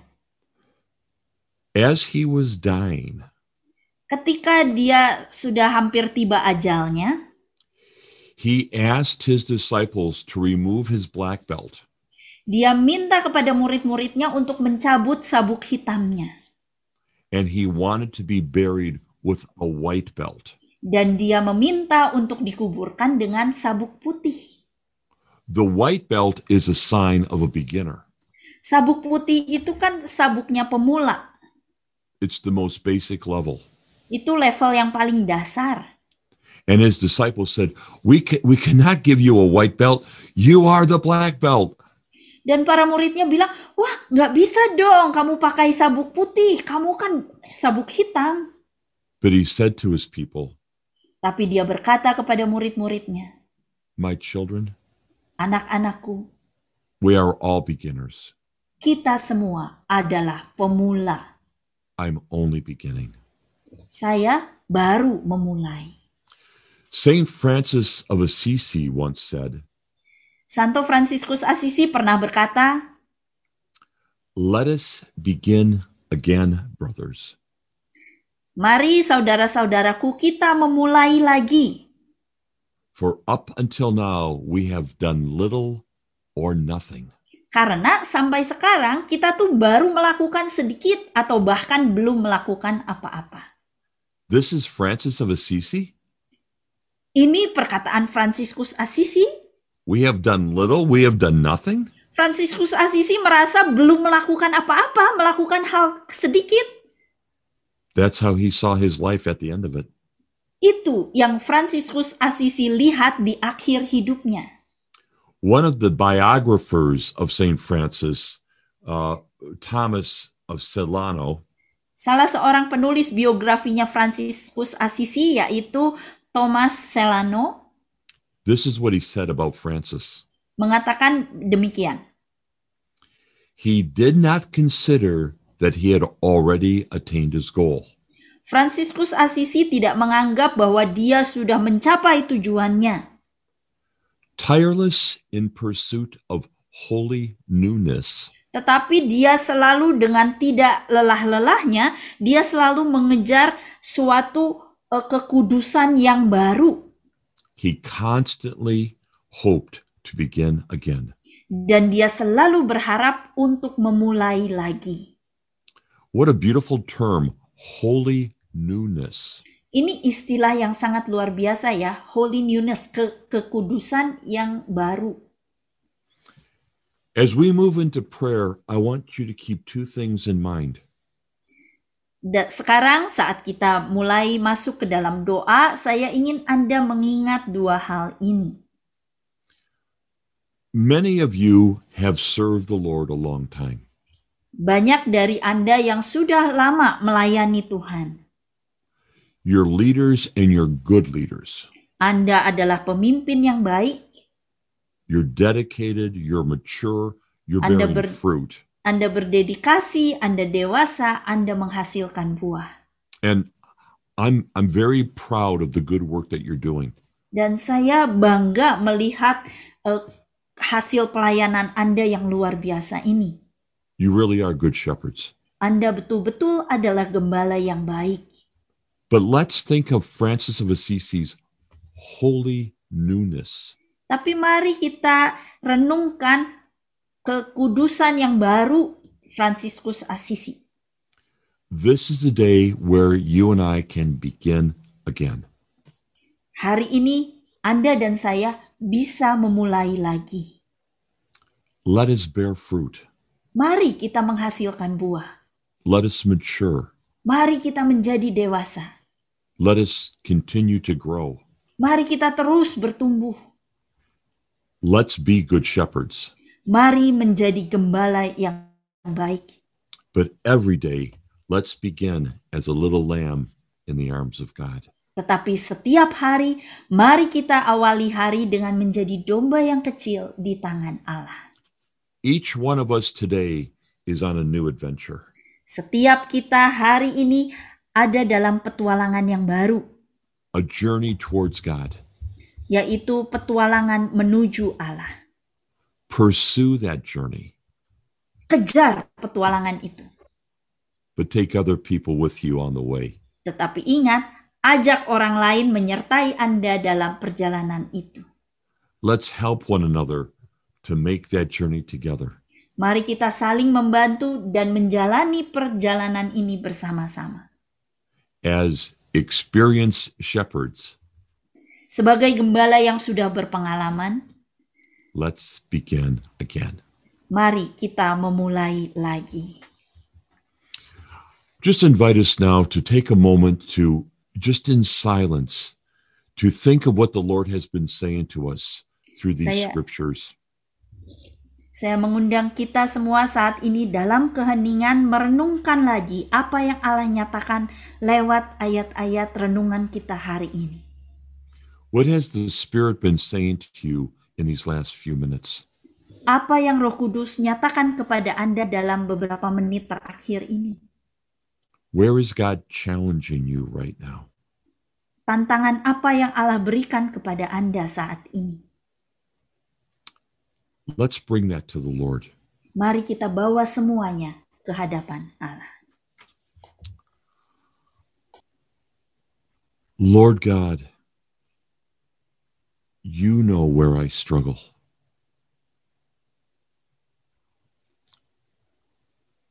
You know, O Lord, where it is difficult for me to be a leader. For me. I have my own doubts, my own fears, my own temptations. And I bring these to you today.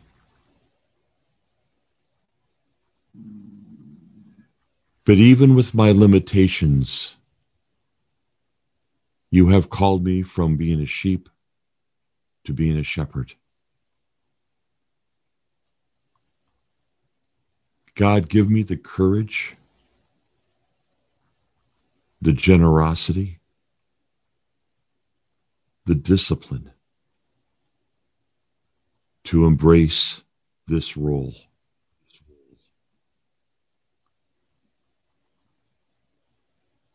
Protect me from pride. Protect me from competition. Protect me from striving. Protect me from arrogance. Protect me from laziness.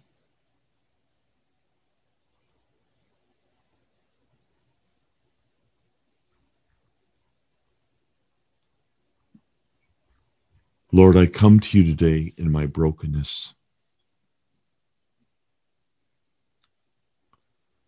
That day on the seashore, our brother Peter was a broken man.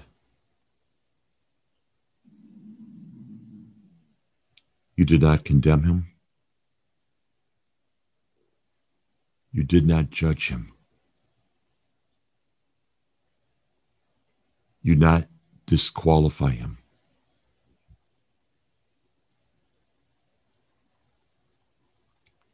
You simply said, Come, follow me.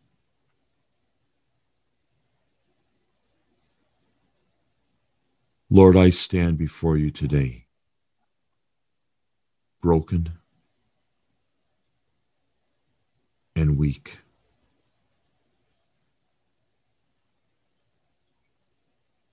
And you say to me, Do you love me? Feed my sheep.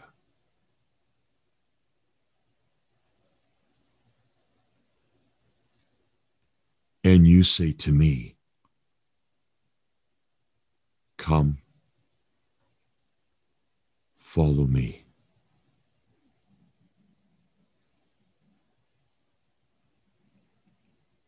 Lord, I choose today to follow you. I accept whatever you want to place in my life, whatever responsibility, whatever sacrifice, whatever graces, whatever charisms. I stand before you as your servant, as your disciple.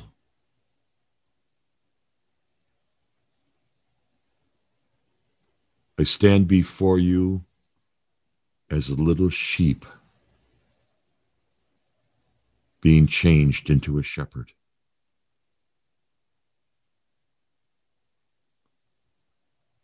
I have very little to give you or to give your people. But the little I have, I give to you this day. I accept whatever it is that you're calling me to. I accept whatever role you choose to give me. I accept whatever you ask of me. I only ask, Lord, that even as I serve as a shepherd, you will still hold me as a little lamb. I ask that you daily care for me in order that I may care for the others. I ask you to sustain me so that I may work at your side for the glory of the Father. In your name, I pray. Amen. Puji nama Tuhan, sungguh malam yang luar biasa di mana malam hari ini hidup kita sungguh dirahmati, diperbaharui oleh kuat kuasa firman Tuhan. Mari yang merasa hidupnya sungguh dilimpahi oleh kasih karunia Tuhan yang begitu besar. Kita berikan tepuk tangan dan sorak-sorai kemuliaan hanya bagi nama Tuhan. Sebab kita percaya oleh kuasa roh kudus malam hari ini telah terjadi sebuah transformasi kehidupan dengan kuat kuasa roh kudus kita semua dipilih, dipanggil untuk menjadi pekerja di kebun anggur Tuhan, untuk melayani sebagai pemimpin-pemimpin Kristiani yang dikuasai, dirahmati, dan dipenuhi oleh kuasa Roh Kudus. Mari kita berikan tepuk tangan bagi kemuliaan nama Tuhan, saudara terkasih dalam Tuhan. Sungguh Allah kita luar biasa, Allah kita dahsyat, Allah kita perkasa. Dan malam hari ini kita akan akhiri kebangunan rohani Katolik dengan mohon rahmat, berkat, perutusan dari Romo kita terkasih, Romo Moderator BPK PKK Kuskupan Agung Semarang, kami mengundang dengan hormat Romo Yohanes Dwi Harsanto Projo untuk mengantar kita di dalam doa dan berkat perutusan. Silakan Romo.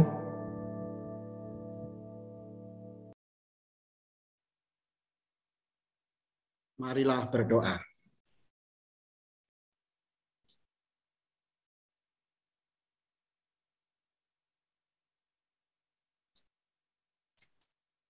Dalam nama Bapa dan Putra dan Roh Kudus. Amin.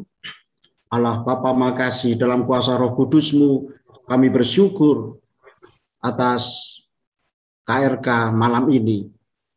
Sungguh menakjubkan bahwa rohmu bekerja dalam hati kami melalui pembicara Mr. Jim Murphy yang sangat bagus membimbing dengan kuasa roh kudusmu sehingga kami menjadi anak-anak Tuhan yang kau panggil dan kau pilih untuk bersatu dengan dikau dan diutus melayani sesama.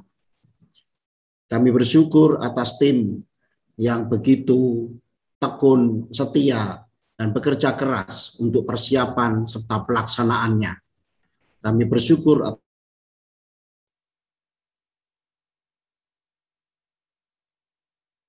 atas semua kami bersyukur atas semua peserta. Kami syukuri kami sebagai anak-anakmu yang sungguh-sungguh ingin melaksanakan kehendakmu dan berbahagia karenanya. Kini kami mengakhiri session kami.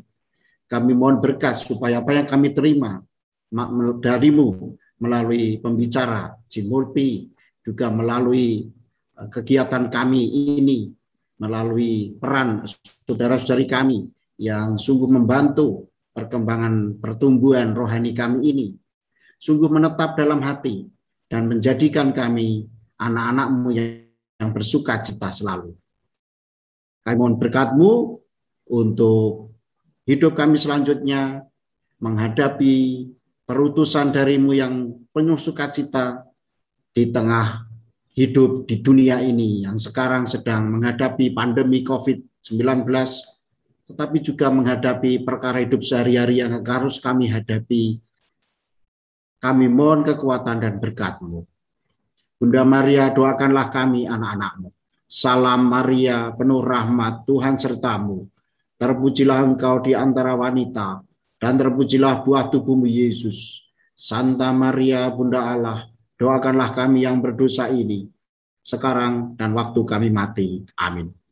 Tuhan bersamamu. Semoga saudara-saudari sekalian dilindungi, dibimbing, diberkati oleh Allah yang Maha Kuasa, Bapa dan Putra dan Roh Kudus. Amin. Terima kasih Romo, terima kasih Bapak Ibu sahabat-sahabat rasam Tuhan. Bangkitlah generasi pemenang, bangkitlah untuk menjadi terang dan bawa damai bagi kehidupan ini. Mari sorakan haleluya hai generasi pemenang. Haleluya. Puji nama Tuhan. Kita puji Tuhan, kita muliakan dia. Bangkit dan kita menjadi generasi pemenang dalam kehidupan kita. Haleluya. Mari sambil bertepuk tangan dalam sukacita surga dengan rahmat dan kuasa roh Allah. Engkau dan kita yang sudah diurapi dan diberkati Tuhan. Terus memuji dan memuliakan tinggi panji-panji kemuliaan bagi nama Tuhan. Oh, oh, haleluya. Mari umat yang dirahmati, katakan sama-sama. Lebih dari pemenang dalam segala perkara. Bisa dikalahkan oleh kuasa darahnya. Jika Allah di pihak kita, siapa dapat melawan? Kita lebih dari pemenang. Lebih dari pemenang, Lebih dari pemenang dalam segala perkara Bisa dikalahkan oleh kuasa darahnya Jika Allah di pihak kita Siapa dapat melawan Kita lebih generasi pemenang. Haleluya Kibarkanlah pancinya Yesus Raja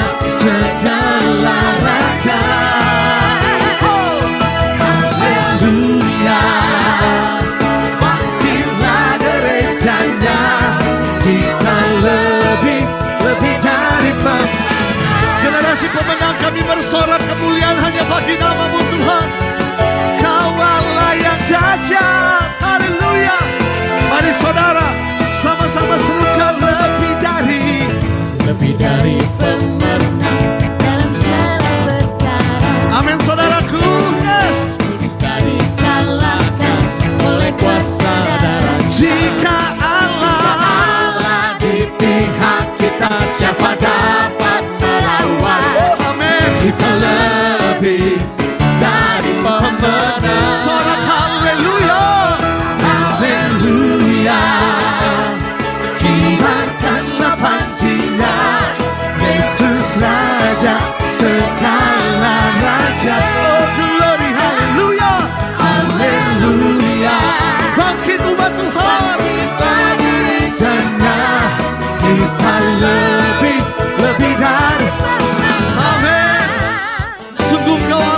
biasa Tuhan.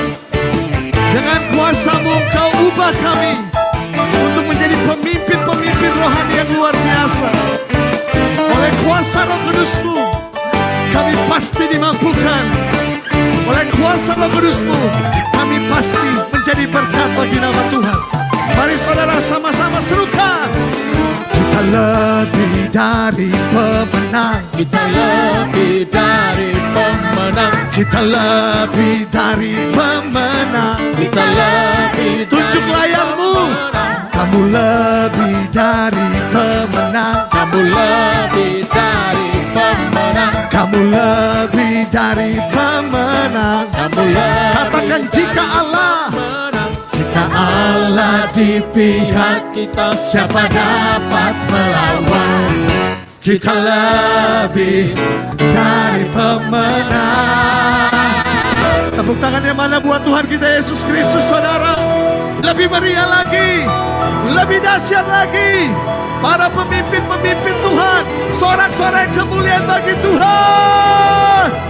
Dan sama-sama kita sorakan, Haleluya.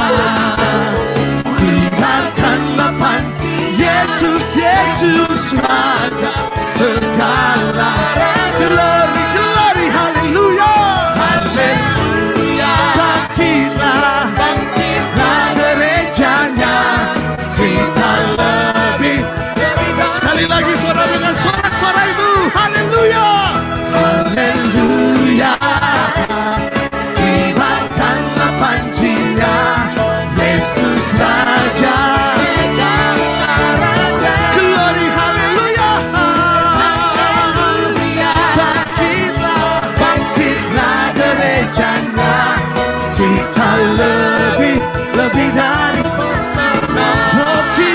lebih Kita lebih Lebih dari pemenang. Kita lebih Kita lebih Lebih dari pemenang